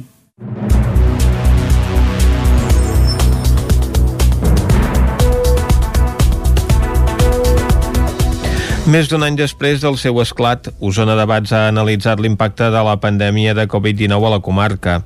De les intervencions dels ponents a la jornada se'n conclou que el coronavirus ha fet aflorar debilitats, però també han sorgit fortaleses, sobretot a través de la cooperació. La sala modernista del Casino de Vic va acollir divendres durant 4 hores la jornada d'Osona Debats que va analitzar l'impacte de la Covid-19 a la comarca. Els nou ponents que hi van intervenir al costat del coordinador, el director editorial del 9-9, Agustí Danés, van posar el focus sobre l'àmbit sanitari, el de la cultura, l'econòmic, l'educatiu, el periodístic, el social i l'ambiental. La biòloga Bet Font alertava que el moment actual és l'última oportunitat per redreçar el rumb cap a la sostenibilitat tant per la protecció davant de les pandèmies com del canvi climàtic les empreses, els, els polítics, els tècnics, els periodistes, també us toca, doncs, eh, entre tots, fer que el conjunt de, de, la, de la humanitat, de la societat, doncs, tingui eh, una, una actitud més, més sostenible, més responsable des d'un punt de vista de la sostenibilitat. Les conseqüències en l'àmbit social no han estat del tot visibles des del primer moment. Les han patit des de les persones que viuen a les residències de gent gran fins als infants més vulnerables. En el cas de la salut mental, actualment estan emergint casos de patiment psicològic i emocional derivat de la pandèmia que necessiten atenció, sobretot entre la població jove. Sentim per aquest ordre a Mercè Generó, gerent d'Osonament, i a Anna Rufí, directora d'Osona Acció Social ens comença a aflorar tota una part invisible fins ara, que és aquest patiment emocional, aquest patiment psicològic de moltes persones que no estaven en processos de recuperació i que ens estan arribant sobretot en persones joves. Se'ns està incrementant molt la població jove a atendre. La bretxa, tant digital, de recursos econòmics, d'accés laboral, accés als recursos, això també és un repte que aquesta bretxa ja, ja hi era, però s'ha ampliat i se li haurà de donar resposta i una mica tot el replantejament també de com es vol atendre la gent gran, com es vol envellir eh, en el futur i com es fa una inversió de polítiques socials per atendre tots aquests col·lectius. En les diferents intervencions de la jornada es va constatar que la pandèmia ha fet emergir debilitats existents però que alhora també ha mostrat fortaleses amagades. Les ponències d'Osona Debats les organitzaven la Fundació Antiga Caixa Manlleu i l'Ateneu de Vic amb la col·laboració del Consell Comarcal d'Osona i el 9-9. L'ACA invertirà 5,2 milions d'euros per construir 5 depuradores al Ripollès i per fer un estudi de les aigües blanques que ha de permetre arribar a sanejar el 98% de les aigües residuals de la comarca. Isaac Muntades, des de la veu de Sant Joan. Amb motiu de la seva visita el passat divendres al Ripollès a la central hidroelèctrica de la Corba de Ripoll, el director de l'Agència Catalana de l'Aigua, Lluís Ridao, va anunciar que aquest ens preveu invertir uns 5,2 milions d'euros en matèria de sanejament de les aigües residuals de la comarca a través de la construcció de 5 depuradores al nucli de la Rala, Sant Pau de Segúries, Toses, Gombrèn, Beget i Roca Bruna Camprodon i Campelles i a la diagnosi de l'eliminació de les aigües blanques de la depuradora de set cases. En total es destinaran 3,3 milions d'euros per les quatre primeres depuradores i 1,9 per la de Campelles, que la construirà directament l'ACA perquè el procés va començar molt abans i de la qual ja s'està redactant el projecte constructiu. Es destinaran uns 300.000 euros per a la redacció dels projectes constructius, ja que cada un d'ells té un pressupost de 59.700 euros. Ara mateix hi ha un 87% de les aigües sanejades a la comarca i gràcies a aquests cinc convenis signats amb el Consell Comarcal del Ripollès s'arribarà al 98% de la població de la comarca. Les depuradores que es construiran han estat subvencionades en un 80% en fons de l'ACA, però la titularitat i l'obra la fan els ajuntaments. Ridao va acotar quins serien els terminis de construcció. S'han encarregat ja els projectes.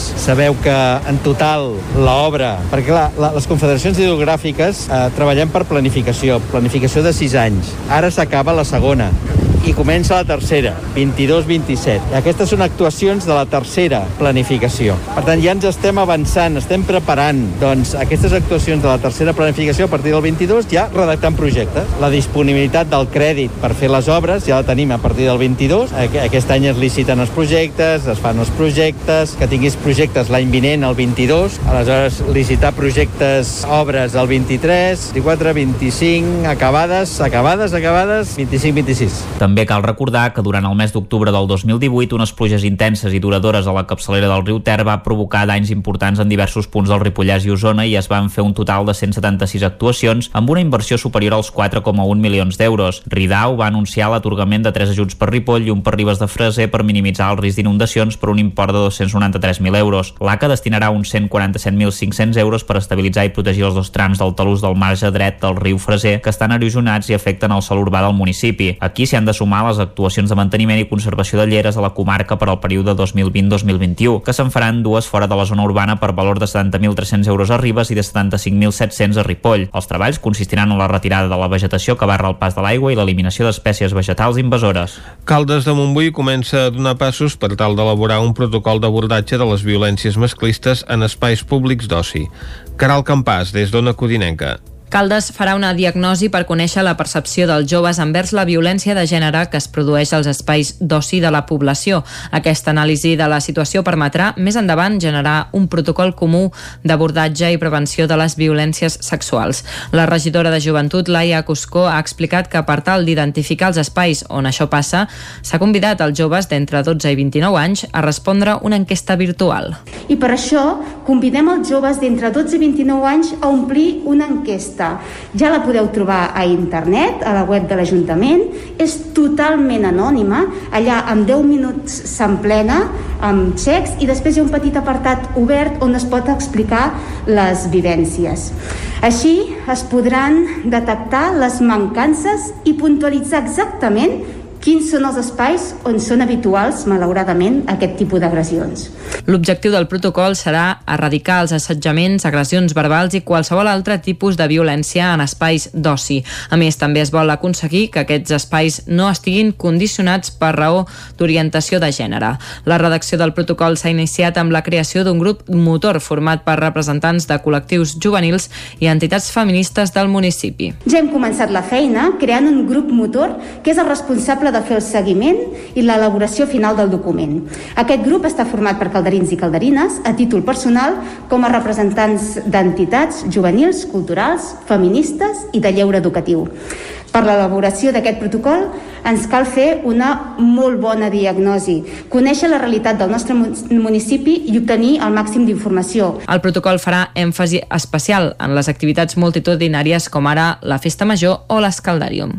El jutge condemna el programa Espejo Público d'Antena 3 per vulnerar el dret a l'honor del diputat ballesà d'Esquerra, Josep Maria Jové, que haurà de ser indemnitzat. David Auladell, de Ràdio Televisió, Cardedeu. El jutjat de primera instància 4 de Granollers ha condemnat a Tres Media Corporación de Medios de Comunicación S.A. i concretament Espejo Público pel delicte d'intromissió il·legítima al dret d'honor del diputat d'Esquerra Josep Maria Jové arran d'una notícia que es va retransmetre en aquest programa d'Antena 3 el 9 de març de 2019. Per això el jutge ha decidit condemnar la cadena a pagar a Jové una indemnització de 10.000 euros pel dany moral produït. També exigeix difondre la sentència al programa Espejo Público i al compte oficial de Twitter. El programa que presenta Susana Griso ja ha complert la seva part i ha publicat la part dispositiva de la sentència a les xarxes socials. Tot i així ha rebut una llau de crítiques a Twitter perquè no havien publicat la sentència sencera, sinó una captura de dues frases tan sols de la conclusió. Jové ha reaccionat a la sentència i ha celebrat que les mentides i difamacions no surten de franc i el programa hagi d'assumir les conseqüències d'una manera de fer que considera vergonyosa i que no és periodisme. Creu que aquesta sentència serveix per abonar persecucions i justificar repressions. Quim Torra va ser el convidat d'honor a la Festa Verdaguer de Folgueroles, que aquest cap de setmana va acollir els actes més tradicionals del programa.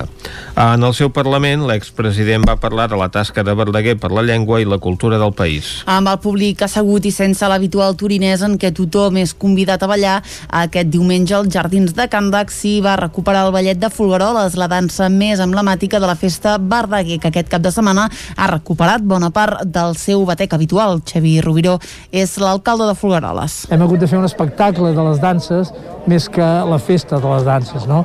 Que hem hagut d'estar asseguts, mirant i no participant. Però bueno, eh, és més normal que no pas l'any passat. El convidat d'honor de la festa va ser enguany l'expresident de la Generalitat, Quim Torra. La seva visita estava pendent des de l'any passat, quan la pandèmia va aturar el país.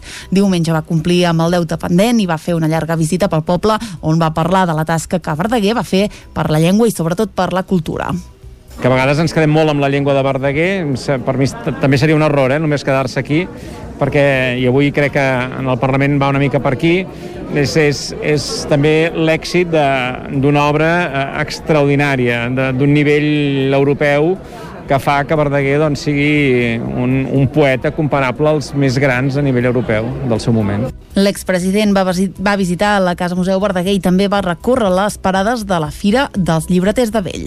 No, a part ha estat molt divertit perquè he anat amb una de les parades i molt amablement el, el paradista m'ha dit dic, jo aquí tinc una edició però el, de la parada al costat la té millor i m'ha recomanat la parada al costat, la qual cosa també crec que mostra aquest esperit no? que hi ha avui en aquesta festa de Verdaguer.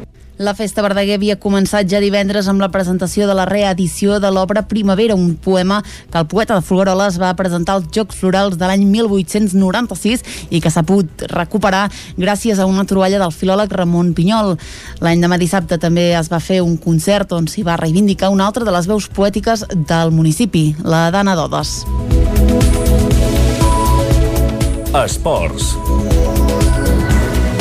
La futbolista de Borgunyà, Bruna Vilamala, campiona d'Europa en la primera Champions que guanya el Barça. La futbolista de Borgunyà, formada al planter blaugrana, es va integrar al primer equip l'estiu passat i diumenge va viure a Göteborg la gesta històrica del primer equip femení del Barça.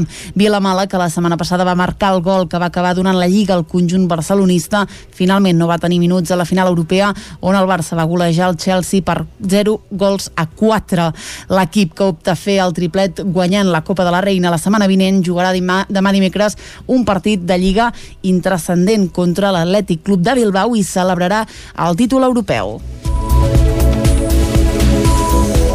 I fins aquí el butlletí informatiu de les 11 del matí que us hem ofert amb Vicenç Vigues, Clàudia Dinarès, David Auladell, Caral Campàs i Isaac Muntades. Ara el que farem és saludar de seguida en Joan Carles Arredondo, que cada dimarts ens visita aquí a Territori 17 per fer-nos una mica més entenedor tot el món de l'economia. Un mig minutet de pausa i de seguida saludem en Joan Carles. Fins ara. Territori 17. Envia'ns les teves notes de veu per WhatsApp al 646 079 023. 646 079 023. WhatsApp Territori 17.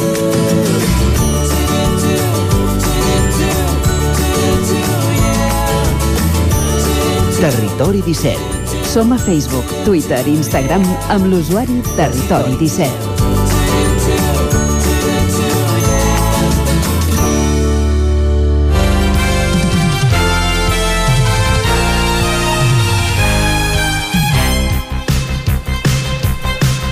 Doncs ara quan falta un minut per un quart de dotze, com us dèiem, eh, saludem en Joan Carles Arredondo per posar llum a l'entorn econòmic que ens envolta. Joan Carles, bon dia. Bon dia. De què parlarem avui? Um, com, com que aquests dies de maig cada dia un raig eh, ha plogut, es veu que, que No, la no, això no, és ben bé porta... així, això no és ben bé així, eh? No, no, no, Doncs, no és ben bé doncs no així, sé, el Vallès- parlen, amb en Pep Acosta, que el tenim avorrit de tots aquests dies en què no hi ha novetat meteorològica i els anticiclons ja sabem que no li agraden. El Vallès ha anat plovent, eh? Ja, ja, ja, ja, ja t'ho ben dic. Escolta, di- diuen a Granollers tenim la dita que faci fred, faci calor, sempre pau per l'ascensió, i es va confirmar. um, doncs, però sembla que la pluja po- porta brots verds, eh? Molt bé. Almenys, almenys eh, segons la previsió de la, de la Comissió Europea, que, uh -huh. que va presentar eh, això la setmana passada les previsions econòmiques de primavera i el que s'hi dibuixa és un panorama relativament més optimista que el que tenien a l'hivern, eh, només fa uns mesos. Uh -huh. Els auguris que mm, arriben de Brussel·les apunten a un creixement del 5,6% del producte interior brut, eh, el PIB, a, a l'estat espanyol eh, per aquest any, que és tres dècimes més del que es preveia a l'hivern, i del 6,8 per l'any que ve que és gairebé mig punt, que, un, un punt i mig més que aquella previsió hi- hivernal. Després d'haver estat els campions en la caiguda econòmica en temps de pandèmia, ara l'estat espanyol també serà el campió en la recuperació, eh? segons aquestes previsions, seria el creixement més, eh, més elevat que es dona a tota la Unió Europea. Eh, La caiguda del 10,8% del PIB de l'any passat quedaria superada amb aquests creixements tan vigorosos que es projecten de- des de, des de les, pre- almenys que projecten les previsions europees, doncs s'ac- s'aconseguiria, diguem aquesta recuperació l'any 2022 tot i sumar els augments eh, de PIB més elevats de la Unió Europea, aquesta recuperació de nivells econòmics postpandèmics eh, arribaria, dels nivells eh, mm, econòmics prepandèmics, vull, vull dir, arribaria a l'Estat amb un any de retard respecte dels socis europeus. Així d'intensa ha estat la caiguda eh, d'aquest últim, últim any. I tant. Ah, sigui com sigui això, eh, que el que dèiem són els creixements més notables de la Unió Europea i la recuperació del PIB prepandèmic, que l'hivern es preveia que arribaria el 2023, doncs s'avançaria un any. Per tant, eh, Bones seria notícies. bo. Però, com se sol dir, l'alegria a casa del pobre dura poc i aquestes previsions europees posen en alerta l'evolució de l'atur. -huh. el mal de cap constant de l'economia espanyola i tot sigui dit de la catalana.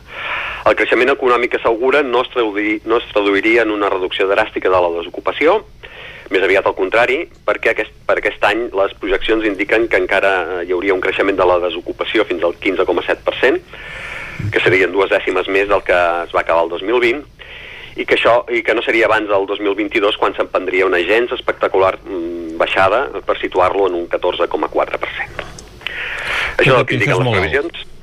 Digues? Que tot i això és molt alt, aquest 14,4%. Eh, sens dubte, el segon més alt de la Unió Europea, només superat per Grècia. Eh, I estem en aquesta situació una mica permanent, permanentment, i res no fa pensar que hi hagi gaires canvis, estem veient aquests eros eh, a, a, a les entitats bancàries i ara mateix ens acaba d'arribar la notícia del tancament d'una fàbrica de Novartis a les franqueses que, un nou tancament mateix, al Vallès eh, estem, estem, estem de sort al Vallès eh? perquè sí. van, van, van tenir el tancament de la Boix recentment i ara aquests 170 treballadors que treballen a les franqueses.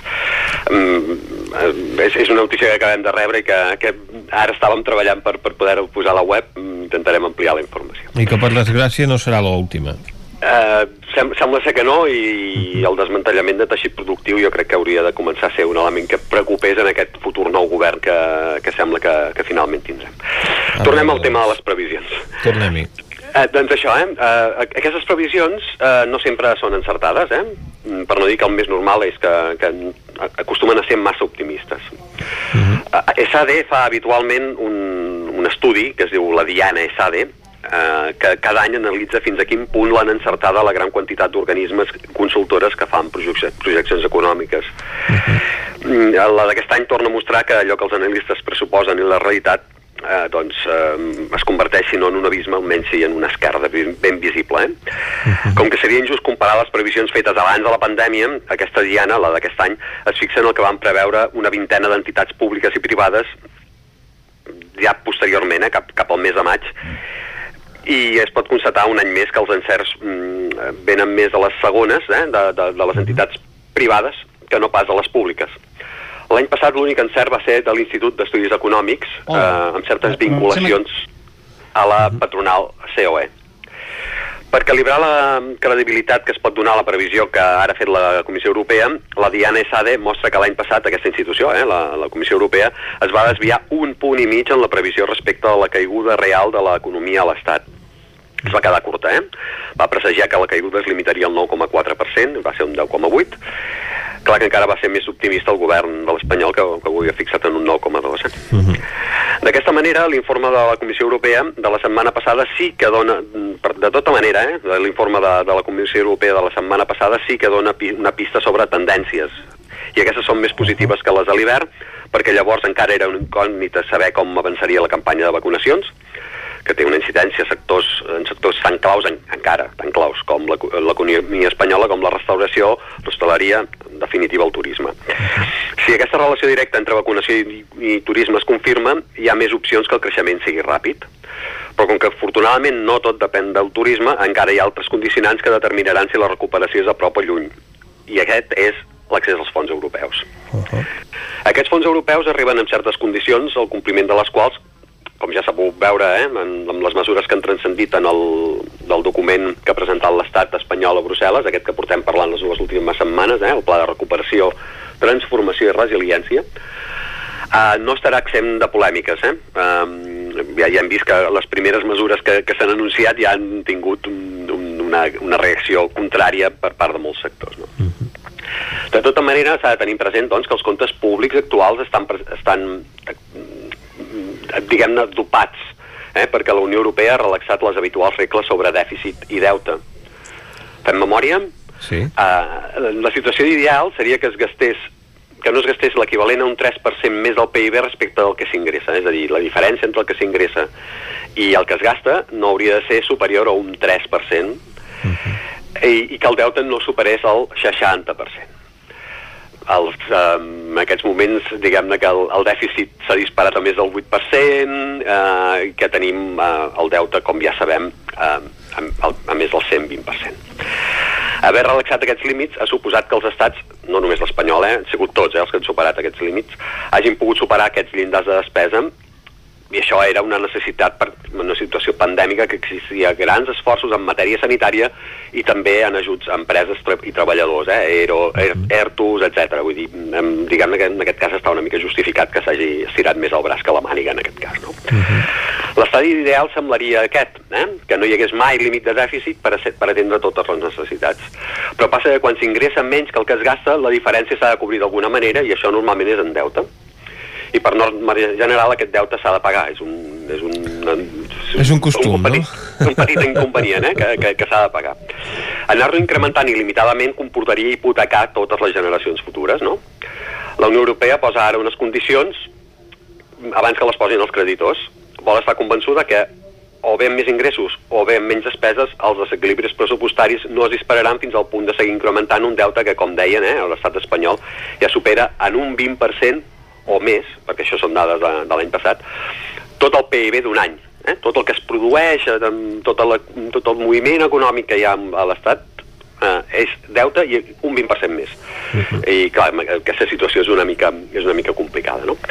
En aquest context, eh, pren molta prenen molta transcendència les paraules del governador del Banc d'Espanya, Pablo Hernández de Cos, en la presentació de l'informe de la institució corresponent a l'any 2020 en aquest informe ell exigeix consens polític per afrontar les reformes que, que, que, que han de venir. No? Eh, ja no només són reformes econòmiques, que n'hi ha de pendents, i algunes de molt espinoses, eh? com les referides al món laboral o a les pensions, sinó també les de caràcter productiu, amb la irrupció imparable de la tecnologia o la necessària cura ambiental, eh? aquesta economia verda. No és que hagi descobert l'oceà Índic, eh, demanant consens, però en temps de confrontació permanent i manicaïsmes en els quals els dolents sempre són els altres, demanar l'entesa s'està convertint gairebé en un acte revolucionari. Eh? O sigui, tenim aquí el, el governador del Banc d'Espanya fent l'acte revolucionari d'exigir que eh, hi hagi un cert consens polític perquè el que ens ve per davant, diguem-ne, és, és, és, és molt exigent. Uh, no sé si veient en quina situació política estem, eh, aquest consens que seria tan eh, important per l'economia, eh, serem capaços d'aconseguir-lo. És possible, no? Efectivament. Jo, jo, jo, jo no n'estic gaire convençut. Bé, veient les reaccions doncs, a l'acord de govern que hi ha hagut a Catalunya, que han tingut a Madrid, la veritat és que la cosa no sembla com perquè s'estableixi una certa pau en l'àmbit polític. No, no estan les coses així. De, de, tampoc, a Catalunya tampoc podem donar, molt, anar donant moltes lliçons de consens, eh? ha costat, diguem-ne, que fer aquest, aquest pacte ha costat per moltíssimes, per moltíssimes circumstàncies, però aquests eh, dies de retard que, que ha comportat aquesta negociació tan, eh, direm, tan elaborada. Escolta, que vagin al Soler de Nuc, que sembla doncs, que inspira la bona avinença entre eh, bàndols sí, enfrontats. O això, deixa'm fer una cosa més local, eh? o, o el vi de l'ella, També. que, que vam poder consumir aquí, el, cada, cadascú tira per, per un tira, el Lluçanès va, ha sigut molt important per, per això, però també, diguem-ne que, que la zona del vi de l'ella, doncs eh, també, també he incidit. Eh, potser seria necessari eh, que, que hi hagués més Vidalella o, o, o més massos del Lluçanès, uh -huh. també perquè l'economia una mica eh, partís de, de, del punt d'acord mm, que és eh, imprescindible eh, perquè sense el concurs de, de tothom eh, i sense la comprensió de tothom eh, el, la profunditat d'aquesta crisi no sé si acabarem de sortir-nos-en. El govern diu que sí, perquè un dels titulars avui a la premsa és que s'ha fixat com a objectiu créixer l'1,5% anual fins al 2050 tornarem, tornarem a aplicar la Diana Esade. Eh? Exacte. Anirem, anirem repassant amb la Diana Esade a veure si, si efectivament aconsegueixen aquest objectiu. Tant de bo, eh? Tant de bo, perquè mm, hi ha molta gent que, que és, considera que, el, que amb el decreixement també aniríem bé. Mm jo no m'hi compto entre aquests. Eh, penso que és molt necessari generar riquesa per després eh, tenir capacitat de redistribuir-la. I sobretot per pagar aquest deute que ens atenella. I aquest deute que és la prioritat a pagar gràcies a una reforma constitucional de, de l'any dels anys de la crisi. Joan Carles, moltes gràcies. Gràcies a vosaltres. Doncs en Joan Carles Arredondo, com fem cada dimarts, hem analitzat eh, la situació econòmica en aquests dies doncs, que s'han fet ja previsions macroeconòmiques a tots nivells i que esperem doncs, que es puguin complir i si no, això que us dèiem, la Diana Sade ja passarà comptes dels que l'han encertat i els que no en les seves previsions. Nosaltres ara al Territori 17 farem l'última pausa d'avui i encararem la recta final del programa. I saps on anirem avui a descobrir Catalunya? A veure. A Prats de Lluçanès. Què dius, evidentment, ara? evidentment. Va, ja, d'aquí 3 minuts. Fins ara.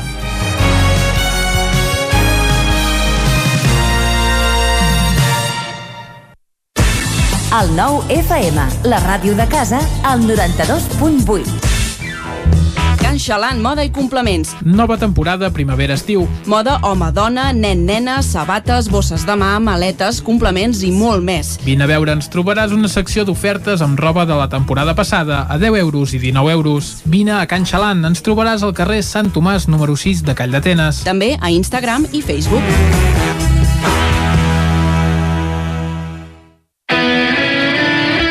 Armínia Pineda, tot en tèxtils per a la decoració. T'ajudem a aconseguir l'ambient que tu vulguis. Disposem d'un gran assortit de teles, coixins i roba mida per autocaravanes.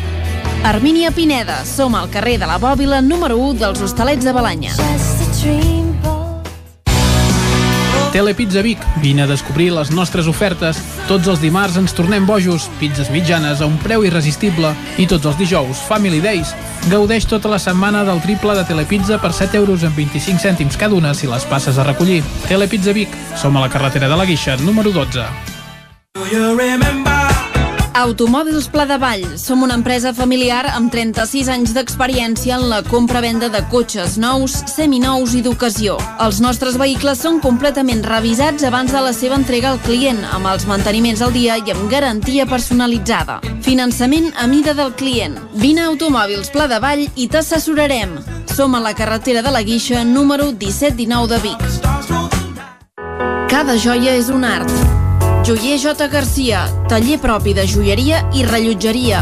Joies úniques, peces artesanals, dissenys exclusius i personalitzats. Rellotges, anells, braçalets i molt més. Joier J. Garcia, ens trobaràs a la Rambla de Vallada 6 i a la carretera de la Guixa 10 de Vic i a Tona, al carrer Barcelona número 17. També a Instagram i a jgarciajoyer.com. A Corretja tenim tot el que necessites per la teva llar. Tot tipus de paviments i revestiments, sistemes d'aïllament, cobertes, parquets, aixetes, ferreteria, pintures, fixació i cargoleria, vestuari i material de seguretat. Disposem de més de 3.500 metres quadrats d'exposició amb una nova zona exterior d'aïllaments. A Corretja som especialistes en cuines i banys. Us assessorem, dissenyem i realitzem el projecte des de l'inici fins a la fi del muntatge. 100% cuines, 100% banys. Al carrer Mas Vigues 8 de Vic, a corretja-sl.com o a Instagram. 100% materials per la construcció i la decoració. 100% corretja. El nou FM, la ràdio de casa, al 92.8.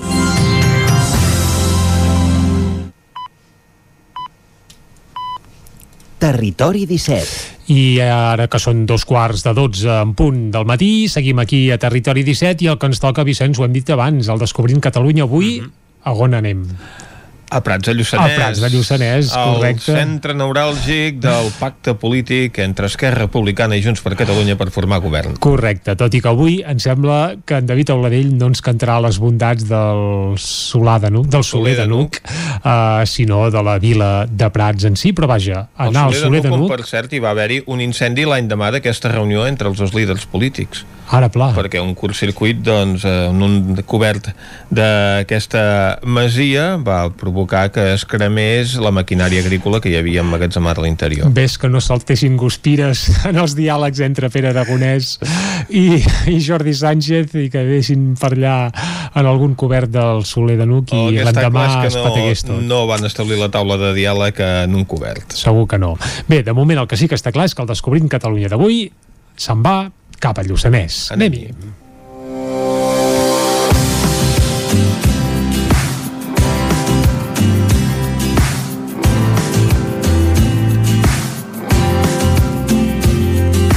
Prats de Lluçanès és el municipi més petit de tota l'àrea del Lluçanès. S'estén enmig de les depressions de les rieres de Merlès i del Lluçanès. L'altiplà que forma el municipi respecte de les terres veïnes fa que gaudeixi d'esplèndides vistes panoràmiques de tota la contrada lluçanesa fins a les muntanyes de Berga, Pirineus, Montserrat o el Montseny. Prats de Lluçanès ha esdevingut la capital de la contrada lluçanesa, de la qual constitueix la població més important i dinàmica. La joia arquitectònica més estimada pels predencs és, sense cap mena de dubte, l'església romànica de Sant Andreu de Llanars. Les primeres referències que en tenim daten del 997. Apareix atestada l'any 1034 i l'any 1084 ja té la categoria de parroquial. L'edificació actual és del segle XII d'una sola nau a dimensions mitjanes. L'absis té una finestra al centre de doble esqueixada. A la banda sud de la nau hi ha una porta i una petita finestra. La part més interessant de l'església és la banda de ponent, on s'alça un mur amb una finestra en forma de creu i sobre el qual descansa un campanar de planta quadrada en dos pisos, finestres grans en el primer i geminades amb columna i capitell en el segon. Gràcies a la iniciativa de particulars i de l'Ajuntament, l'any 1982 s'hi va fer la primera fase de restauració, consistent en l'arranjament de la taulada i tot el seu entorn. Al mes d'abril de 1991, l'Ajuntament va finalitzar les obres de restauració de l'interior de l'església. El safareig públic es troba situat a tocar del torrent Medinyol, a uns 100 metres al sud de les Tres Fonts. Està format per una estructura contenidor rectangular que presenta una planta aproximada de 11 per 7 metres, construït amb maçoneria de pedra irregular i obra, i taulada d'una sola vessant amb vigues i llates de fusta. Presenta obertures a tres dels quatre costats de diferent alçada, construïdes amb bancals de maó i coronades amb arc de mig punt de decoració de maó a plec de llibre. Sobre l'accés principal hi ha una placa de ceràmica amb data del 1911. L'espai de memòria de Prats de Lluçanès és l'itinerari commemoratiu dels fets recorreguts el 3 de febrer de 1939, quan després d'un creuat combat, les tropes franquistes van entrar a la població de Prats de Lluçanès. L'endemà, 250 republicans que defensaven la posició van ser justiciats. Dies després van ser enterrats en fosses pels veïns de la vila. La major part d'aquestes fosses se situen al voltant de l'ermita de Sant Sebastià, seguint la carena fins a Sant Andreu de Llanàs, però també se'n troben prop de les masies i els marges dels camps de Conreu.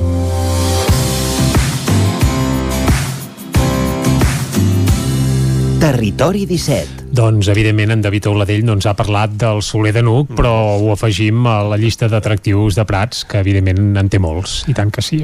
No sé si al seu propietari li agradarà que ara es converteixi en un atractiu turístic del terme municipal de Prats de Lluçanès, que com ha dit en David és el més petit del Lluçanès, però Prats és el municipi més gran en habitants, que per això és la capital del Lluçanès del Lluçanès, que de moment encara no és comarca oficial, però vaja, això seria un altre tema i aquí no hi entrarem pas. El que sí que està clar és que el Lluçanès eh, no hi passen trens, ni la no. R3, però nosaltres ara ens toca anar-hi. Per tant, Anem a la R3. ens enfilem a la R3, a la Trenc d'Alba. A Trenc d'Alba, edició pandèmia. Ara sense els usuaris que ens explicaven les seves desgràcies a la R3, però amb els mateixos retards i problemes de sempre. Benvinguts a Tren d'Alba. Avui us faré un recordatori que no està mai de més repassar l'agenda. A veure, aquest dimecres se celebra la taula de mobilitat d'Osona dedicada a l'R3. Serà a les 6 de la tarda, a la sala CERT del Sucre de Vic, i cal inscripció prèvia per assistir-hi. En aquesta reunió intervindrà el col·lectiu perquè no ens fotin el tren i l'Associació de Promoció del Transport Públic per parlar de la línia R3. L'Ajuntament de Palau Tordera parlarà dels nous usos per les estacions i Mobilitat i Transport de l'àrea metropolitana de Barcelona parlarà d'aparcaments. A més, també es parlarà del Pacte d'Osona per l'R3 i la comissió de desdoblament. Precisament l'alcalde de Ripoll, Jordi Monell, va assistir a la darrera reunió de la comissió de l'R3 i va revelar el calendari del desdoblament. A veure com avança. Per tant, es va concretitzar doncs, aquelles obres que ja estan en curs en aquests moments a la zona del Vallès per poder iniciar el desdoblament efectiu, vol dir obres prèvies, que vol dir expropiacions, vol dir supressió de passos de nivell, vol dir allargar i adaptar estacions i andanes, vol dir la infraestructura de cablejat i seguretat i electrònica, i que això podria permetre doncs, aquest any 2022 començar ja a veure els primers trams desdoblats, no? Eh, I per tant això també haurà unes afectacions d'alguns mesos en la línia, per tant hi va haver-hi alguns, alguns mesos de transbordament. Eh? També en aquest sentit es va concretitzar també que eh, es volia ja encarregar aquest any 2021 a l'estudi informatiu del tram Centelles-Vic. Eh? L'estudi informatiu és, és tot el, el tràmit previ eh? a fer l'estudi d'impacte ambiental i a fer doncs, l'estudi més tècnic per poder fer el desdoblament. Per tant, si s'encarrega el 2021, tots aquests terminis complexes que tenen aquestes, aquestes grans obres d'infraestructura, això s'hauria de, també de, de, de veure com es materialitza en el, en el segon quinqueni del Pla de Rodalies, que és un Pla de Rodalies 2020-2030, i per tant en el segon quinqueni, 2025-2030, veuríem aquest desdoblament Centelles-Vic. Eh, I ja estaria acabat eh, el 2025 el desdoblament aquest que dèiem des de la Garriga fins a Parets del Vallès. Eh? Per tant, aniríem eh, tinguent aquesta línia amb, amb alguns trams ja desdoblats, això permetria guanyar doncs, eh, en fiabilitat, guanyar amb el, amb el compliment dels tempos, guanyar en seguretat i, per tant, tot plegat guanyar també doncs, minuts no? i per tant reduir els, els, els temps de connexió. No? Bé, ja ho heu escoltat. Si tothom compleix, aquesta dècada hauríem de tenir una bona part de la línia desdoblada. Penseu que hi ha tantes possibilitats que això passi com que el Barça guanyi la Lliga o que Benzema acabi màxim golejador de la competició. Va, ens retrobem demà amb més històries del tren i de l'R3. Territori 17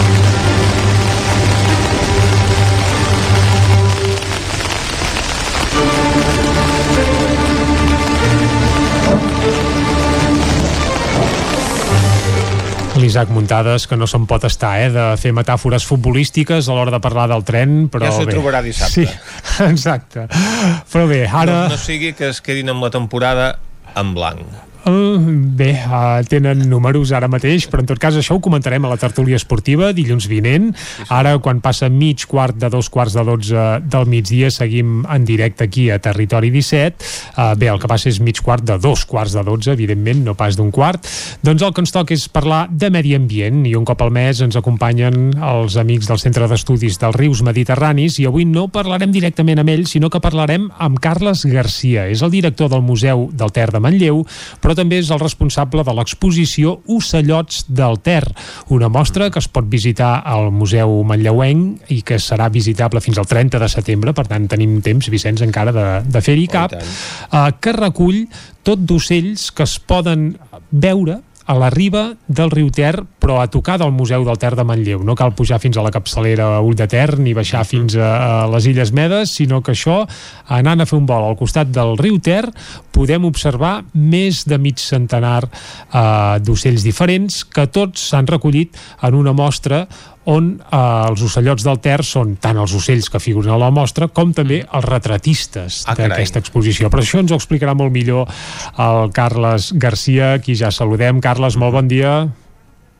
Bon dia, Carles. Bon dia, Vicenç. Uh, bon dia, en Carles, que a part de, de ser tot això que hem dit, també era tertulià de Territori 17. Ens venia a visitar aquí sovint, però evidentment aquesta temporada, arran de les restriccions per la pandèmia, doncs de moment no hem pogut recuperar encara la tertúlia. Uh, Carles, quan la recuperarem, t'esperem de nou aquí, eh, a fer-la petar, eh? Aquí, aquí estarem a fer-la petar, sí. Va. Cap problema. Ara, però, el que volem és fer-la petar sobre els ocellots del Ter. I és que el primer que ens sorprèn és que, re, a pocs metres del Museu del Ter de Manlleu uh, s'hi han fet moltíssimes, moltíssimes fotografies, però resulta que n'heu recollit unes quantes en una mostra i n'hi ha més de 50, vaja, jo crec que ara tu ens diràs la xifra exacta, eh? però, sí. però és una bestiesa la mà d'ocells diferents que hi ha a tocar del Museu del Ter de Manlleu. Quants n'heu recollit? Crec que de més de 80, oi? Sí, mira, el, eh, observats a la web d'Ornitocat, en el tram urbà que recull la, aquesta exposició, l'exposició és, és ben bé el tram urbà del Ter a Manlleu, eh? Uh -huh. Per tant, gairebé dos quilòmetres de, de riu entre el Museu del Ter i la via del tren, més o menys. O sigui, és, Observats. estem dient del que, del que pot veure la gent passejant pel passeig del Ter. Passejant pel passeig del Ter. Eh? Eh, observats, segons el web d'Ornitocat, l'Institut Català d'Ornitologia, s'hi han arribat a observar 100, set- més de 170 espècies. Això és una bestiesa. Eh, eh, és una bestiesa. Nosaltres a, a l'exposició, fotografiats, fotografiats amb fotografia de, de qualitat, en tenim eh, 86.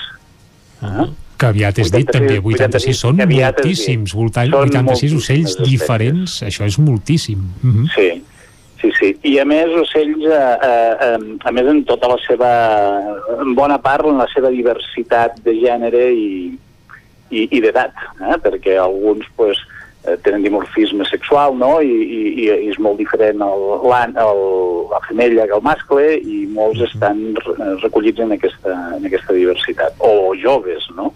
Mm -hmm. Eh, Per tant, moltíssimes eh, fotografies d'ocells diferents. Si féssim avui aquesta exposició ja en tindríem més de 86.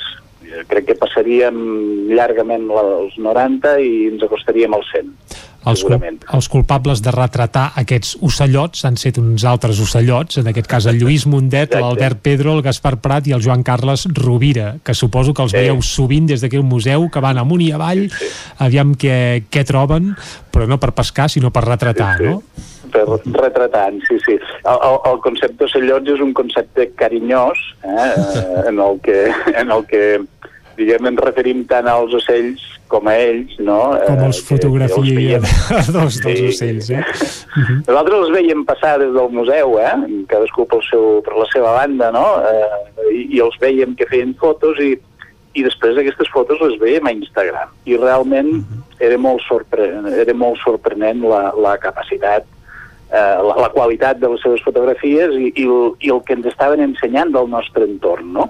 I vam pensar que posat tot això junt, eh, conjuntament, unit, no? Eh, agrupar-los els quatre, perquè eren sobretot ells quatre, eh? en Lluís Mundet, l'Albert Pedro, en Gaspar Prat i, i en Joan Carles Rovira, vam pensar que, que posat junts eh, amb una exposició i passar d'Instagram a l'exposició podria donar una imatge molt potent de, del, que, del que tenim aquí molt a prop, uh -huh. molt a prop, al costat de casa. Clar, ca cada any eh, al riu Ter doncs, es fa un cens d'ocells hivernals no? que organitzen des de bé, des del propi museu on hi ha el centre Sí, d'estudis el- dels el rius mediterranis i, i d'aquesta capacitat d'observació que en aquest cas fan, fan especialistes doncs n'ha sortit aquesta activitat paral·lela no? que són aquests eh, caçadors d'ocells. En definitiva doncs que no només a l'hivern sinó que durant tot l'any es dediquen a anar rastrejant tota la fauna que veuen al, al voltant del riu. Sí, sí, eh, eh, ja fa temps eh, que, que tots quatre hi, hi estan aficionats i, i, i realment la, la metàfora del, del caçador és interessant, eh, perquè ara ja potser d'alguna manera la, la, la fotografia d'ocells és una forma també no, de, de, eh, de recerca, de, de, de caça, però en aquest cas de caça d'una imatge, d'un moment concret. Mm, quan veus les fotos sembla que sigui fàcil de fer eh? Aquest ocell s'ha estat allà esperant que li facis la, la imatge els ocells es mouen molt exacte i no, són, i, i no es deixen veure tan fàcilment no? i són imprevisibles i són en els seus imprevisibles per tant, Mhm. exacte, per tant la, la, la quantitat de fotografies i la seva qualitat eh, jo crec que parla molt de, de la seva capacitat com a caçadors Uh, Carles, la metàfora par parlem una mica d'aquestes 86 espècies que es poden veure a la mostra, que són moltíssimes, no les citarem pas totes perquè ja se'ns acabaria el programa, però segur que hi ha algunes curiositats i algun, vaja, algun espècimen que potser no és gaire habitual. Uh, què, què en destacaries per la seva estranyesa o, no sé, per, per alguna sorpresa? Què, què hi podem trobar que no siguin els típics, que suposo que també hi són, eh? És a dir, gavians n'hi deuen haver, ànecs colls verds n'hi deuen haver, però destaca'ns en algun de, de curiós. Algun de curiós.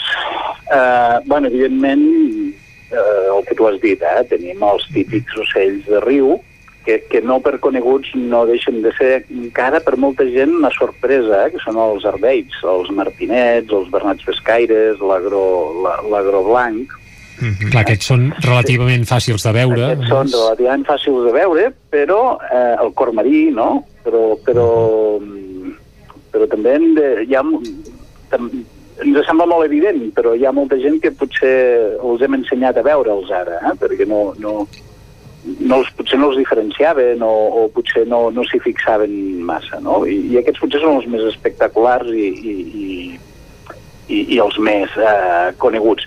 Però després, a banda d'aquestos, doncs, hi ha uns que també són, que són complicats de veure perquè has de, has de saber mirar, que són els, els limícoles, no? per exemple el corriol petit, uh, les gambes, la gamba verda, la Que gamba aquests són roja... molt menuts, eh? Aquests. Eh, són més menuts, són relativament són més grans que un pardal, eh? I solen ser més grans que un pardal o estan eh, gairebé com un colom, eh?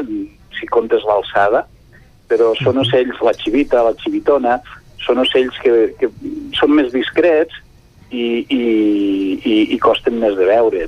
Després hi han tot, tota la, la, la, la, la varietat de petits ocells que, que, que, que, que costen de...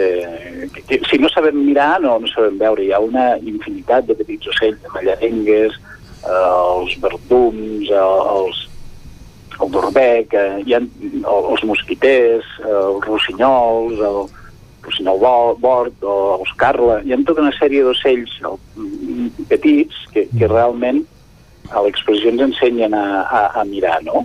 I que, I que són relativament fàcils de veure.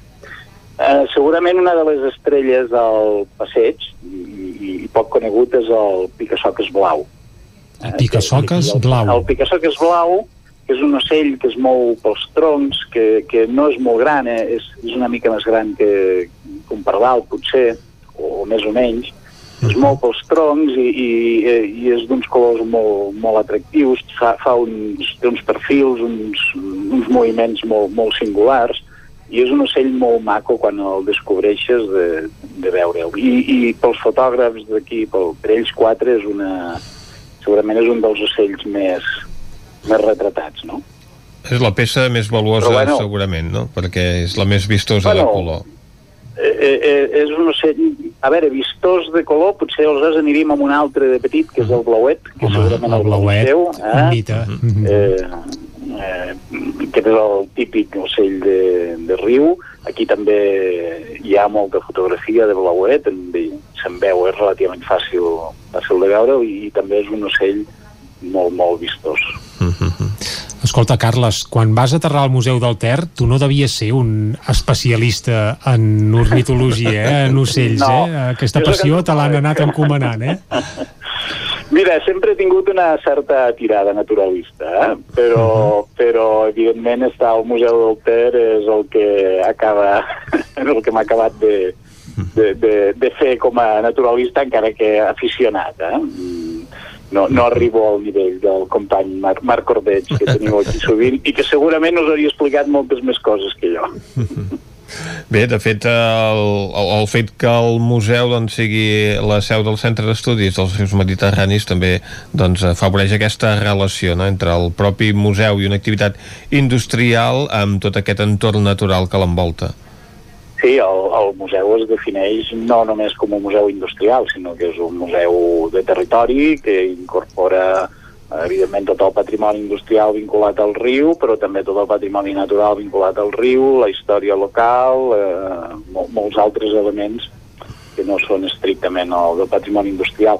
De- D'aquí el nom, eh, de Museu del Ter, que en el seu dia, si us recordeu, era Museu Industrial del Ter i, i el vam canviar per, precisament per això, eh? perquè fèiem una mirada molt més àmplia al patrimoni. Uh, Carles, recordem que l'exposició es podrà veure fins al 30 de setembre, per tant, tenim sí. temps encara, i que, a més a més, tothom que s'acosti a veure-la també, si cal, uh, diguem que pot imprimir, o vaja, o li doneu un fulletó on es pot dedicar a trobar ell mateix alguns d'aquests ocells, oi?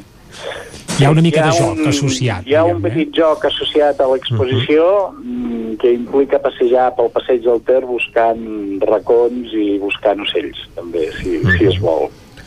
I per tant hi ha una, una activitat eh, interactiva en la que la gent hi pot eh, participar i, eh, i bé, poder trobar també eh, aquests punts on es eh, localitzen algunes d'aquestes espècies.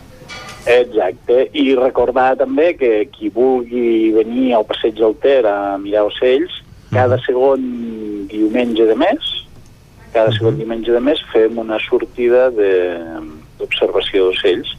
No sé, ara, ara es pot mirar a la web del museu, ara no sé si és a les 11 o dos quarts de 12, però cada segon diumenge cada segon diumenge de mes. Sembla que és a les 11. Per cert, Carles, ja t'hi has aficionat també a fotografiar ocells? És a dir, en tens algunes també de teves? Jo fo fotografiar no, però, però vaig tot el dia amb els binocles.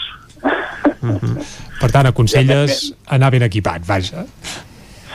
Sí, home, mm, es pot observar ocells aquí al passeig del Ter, eh, amb una mica de calma, amb paciència, es poden veure, fins i tot sense binòculs, es poden veure molts ocells i, i es pot gaudir molt de, de, de l'observació d'ocells, amb, amb uns coneixements mínims aquí al passeig del Ter. Si a sobre hi afegeixes uns binòcules i una mica de paciència, escolta'm, hi pots passar un matí eh, molt entretingut. I si a sobre ets aficionat a la fotografia, i tens un mínim equip clar, fotografiar ocells no és com fer... No és fàcil. No és fàcil i no es pot fer amb el mòbil, necessites uns objectius eh, adequats i tal, però si, si ets mínimament aficionat a la fotografia i, i això t'agrada, bueno, encara, encara ho pots disfrutar més. Aquesta... Però ja us dic, eh, amb uns binòcules Uh -huh. n'hi ha prou per, per passar un, una bona estona. I davant del dubte del que s'acaba d'avistar, sempre es pot anar a aquesta exposició Ocellots Exacte. del Ter, aquesta mostra temporal d'aquestes exposicions temporals que hi ha al Museu del Ter i que doncs, es podrà visitar fins al 30 de setembre. Sí, és temporal, però l'hem volgut de llarga durada perquè ens semblava que era una exposició important. Molt bé, doncs això és una de les coses que volíem tractar amb el Carles, però abans d'acabar no podem oblidar que avui és el Dia Internacional dels Museus, Mhm. Carles, i per tant m'imagino que el Museu del Ter avui eh, portes obertes i entrada gratuïta, o, o no, sí? Avui portes obertes i entrada gratuïta, com ho ha sigut el, durant el cap de setmana. I hem fet portes obertes tant dissabte i diumenge com avui, que és el dia internacional. Quines altres activitats heu fet lligades a això, el Dia Internacional dels Museus, des del Museu del Ter? Doncs mira, eh, aquest diumenge vam fer visita tea- vam fer visita teatralitzada, estem fent visites per col·lectius eh, de gent gran eh, i portes obertes. Perquè la, les escoles van, van visitant el museu ara que es va reprenent l'activitat eh, normal i que tenen doncs en els museus i en aquest de Manlleu concretament un dels se- seus principals punts d'interès educatiu Mira, eh, eh, nosaltres eh, la veritat és que no han reduït gens l'activitat educativa. Eh, les escoles, la veritat és que han pogut continuar, sobretot aquest any, no?, que uh -huh. s'ha permès la, la mobilitat. La veritat és que, que les escoles, eh, en aquest sentit, en termes quantitatius, portem un any normal, pràcticament. És que això t'ho volíem comentar, clar, tenint en compte eh, els mesos que portem ja a les espatlles amb la Covid i els efectes de la pandèmia, no sé com ho heu notat al Museu del Ter, sobretot pel que fa a visitants. El perfil suposo que ha canviat perquè gent de gaire lluny potser n'hi ha hagut molt poca. No sé si, si en aquest sentit heu notat canvis o no. Clar, hi ha hagut uns mesos que, evidentment, la reducció de la mobilitat ha implicat... Eh, parlem d'aquest any, eh? L'any passat, l'any 2000, va ser un any absolutament irregular en aquest sentit, no? Que el 2020, a partir, de, a partir del març, clar, primer que vau estar tancats durant una bona colla de mesos, clar. Exacte, durant molts mesos, doncs, mesos vam estar tancats i després amb unes limitacions eh, excepte l'estiu molt, molt grans, per tant sí, l'any passat les reduccions van ser, van ser radicals. A partir de l'inici de, de, del desconfinament el que nosaltres notem és molt interès per totes les activitats, és a dir, les activitats que anem fent de forma regular, com els diumenges a la vora del Ter, o, o altres, les sortides naturalistes, o moltes altres activitats que hem fet, el que hem notat és que hi ha molt interès. Eh, S'omplen totes, eh, es van omplint i, i realment tenim precisament problemes d'aforament eh, per, per donar resposta a tota la, a tota la demanda. Eh, pel que fa a les escoles, el, el, estem en una situació pràcticament de normalitat, per exemple, ara el mes de maig, eh, de, de, de xifres fins i tot superiors a, a altres anys. Caram. I durant els mesos que no hi ha hagut mobilitat, al Museu del Ter vam fer una aposta per, per eh, orientar la nostra activitat educativa a nivell local i com que els centres de Manlleu no podien sortir tampoc a fer visites en altres espais, el que hem fet ha sigut substituir gairebé el gruix de l'activitat d'un any normal només amb els centres de, de Manlleu. Per tant, la veritat és que nosaltres hem tingut bastanta... En aquest àmbit hem tingut molta, molta activitat i, i estem contents de que els centres de Manlleu hagin pogut gaudir de les activitats del museu. Vaja, que allò que passa a vegades, que no coneixem el que hi ha al costat de casa, però coneixem el que hi ha a l'altre cantó del món, a Manlleu no passa, eh? Els infants, si més no els més menuts de Manlleu, saben molt bé el que hi ha, en aquest cas, al Museu del Ter. Aquest any han tingut eh, l'ocasió de fer-ho intensivament, més intensivament que altres anys, fins i tot. Eh, la, hem fet de la necessitat virtut, uh -huh. en aquest cas. I eh, aquest cap de setmana, doncs, en el marc d'aquestes activitats paral·leles que sempre s'organitzen des del Museu del Ter, hi ha una sortida per anar a, a veure orquídees, no? És una bona sortida ara en temps Sí. de, Sí, sí, de primavera i en el marc Sí, sí. d'aquestes activitats que dèiem, doncs, que cada cap de setmana pràcticament des del Museu del Ter se n'organitza alguna.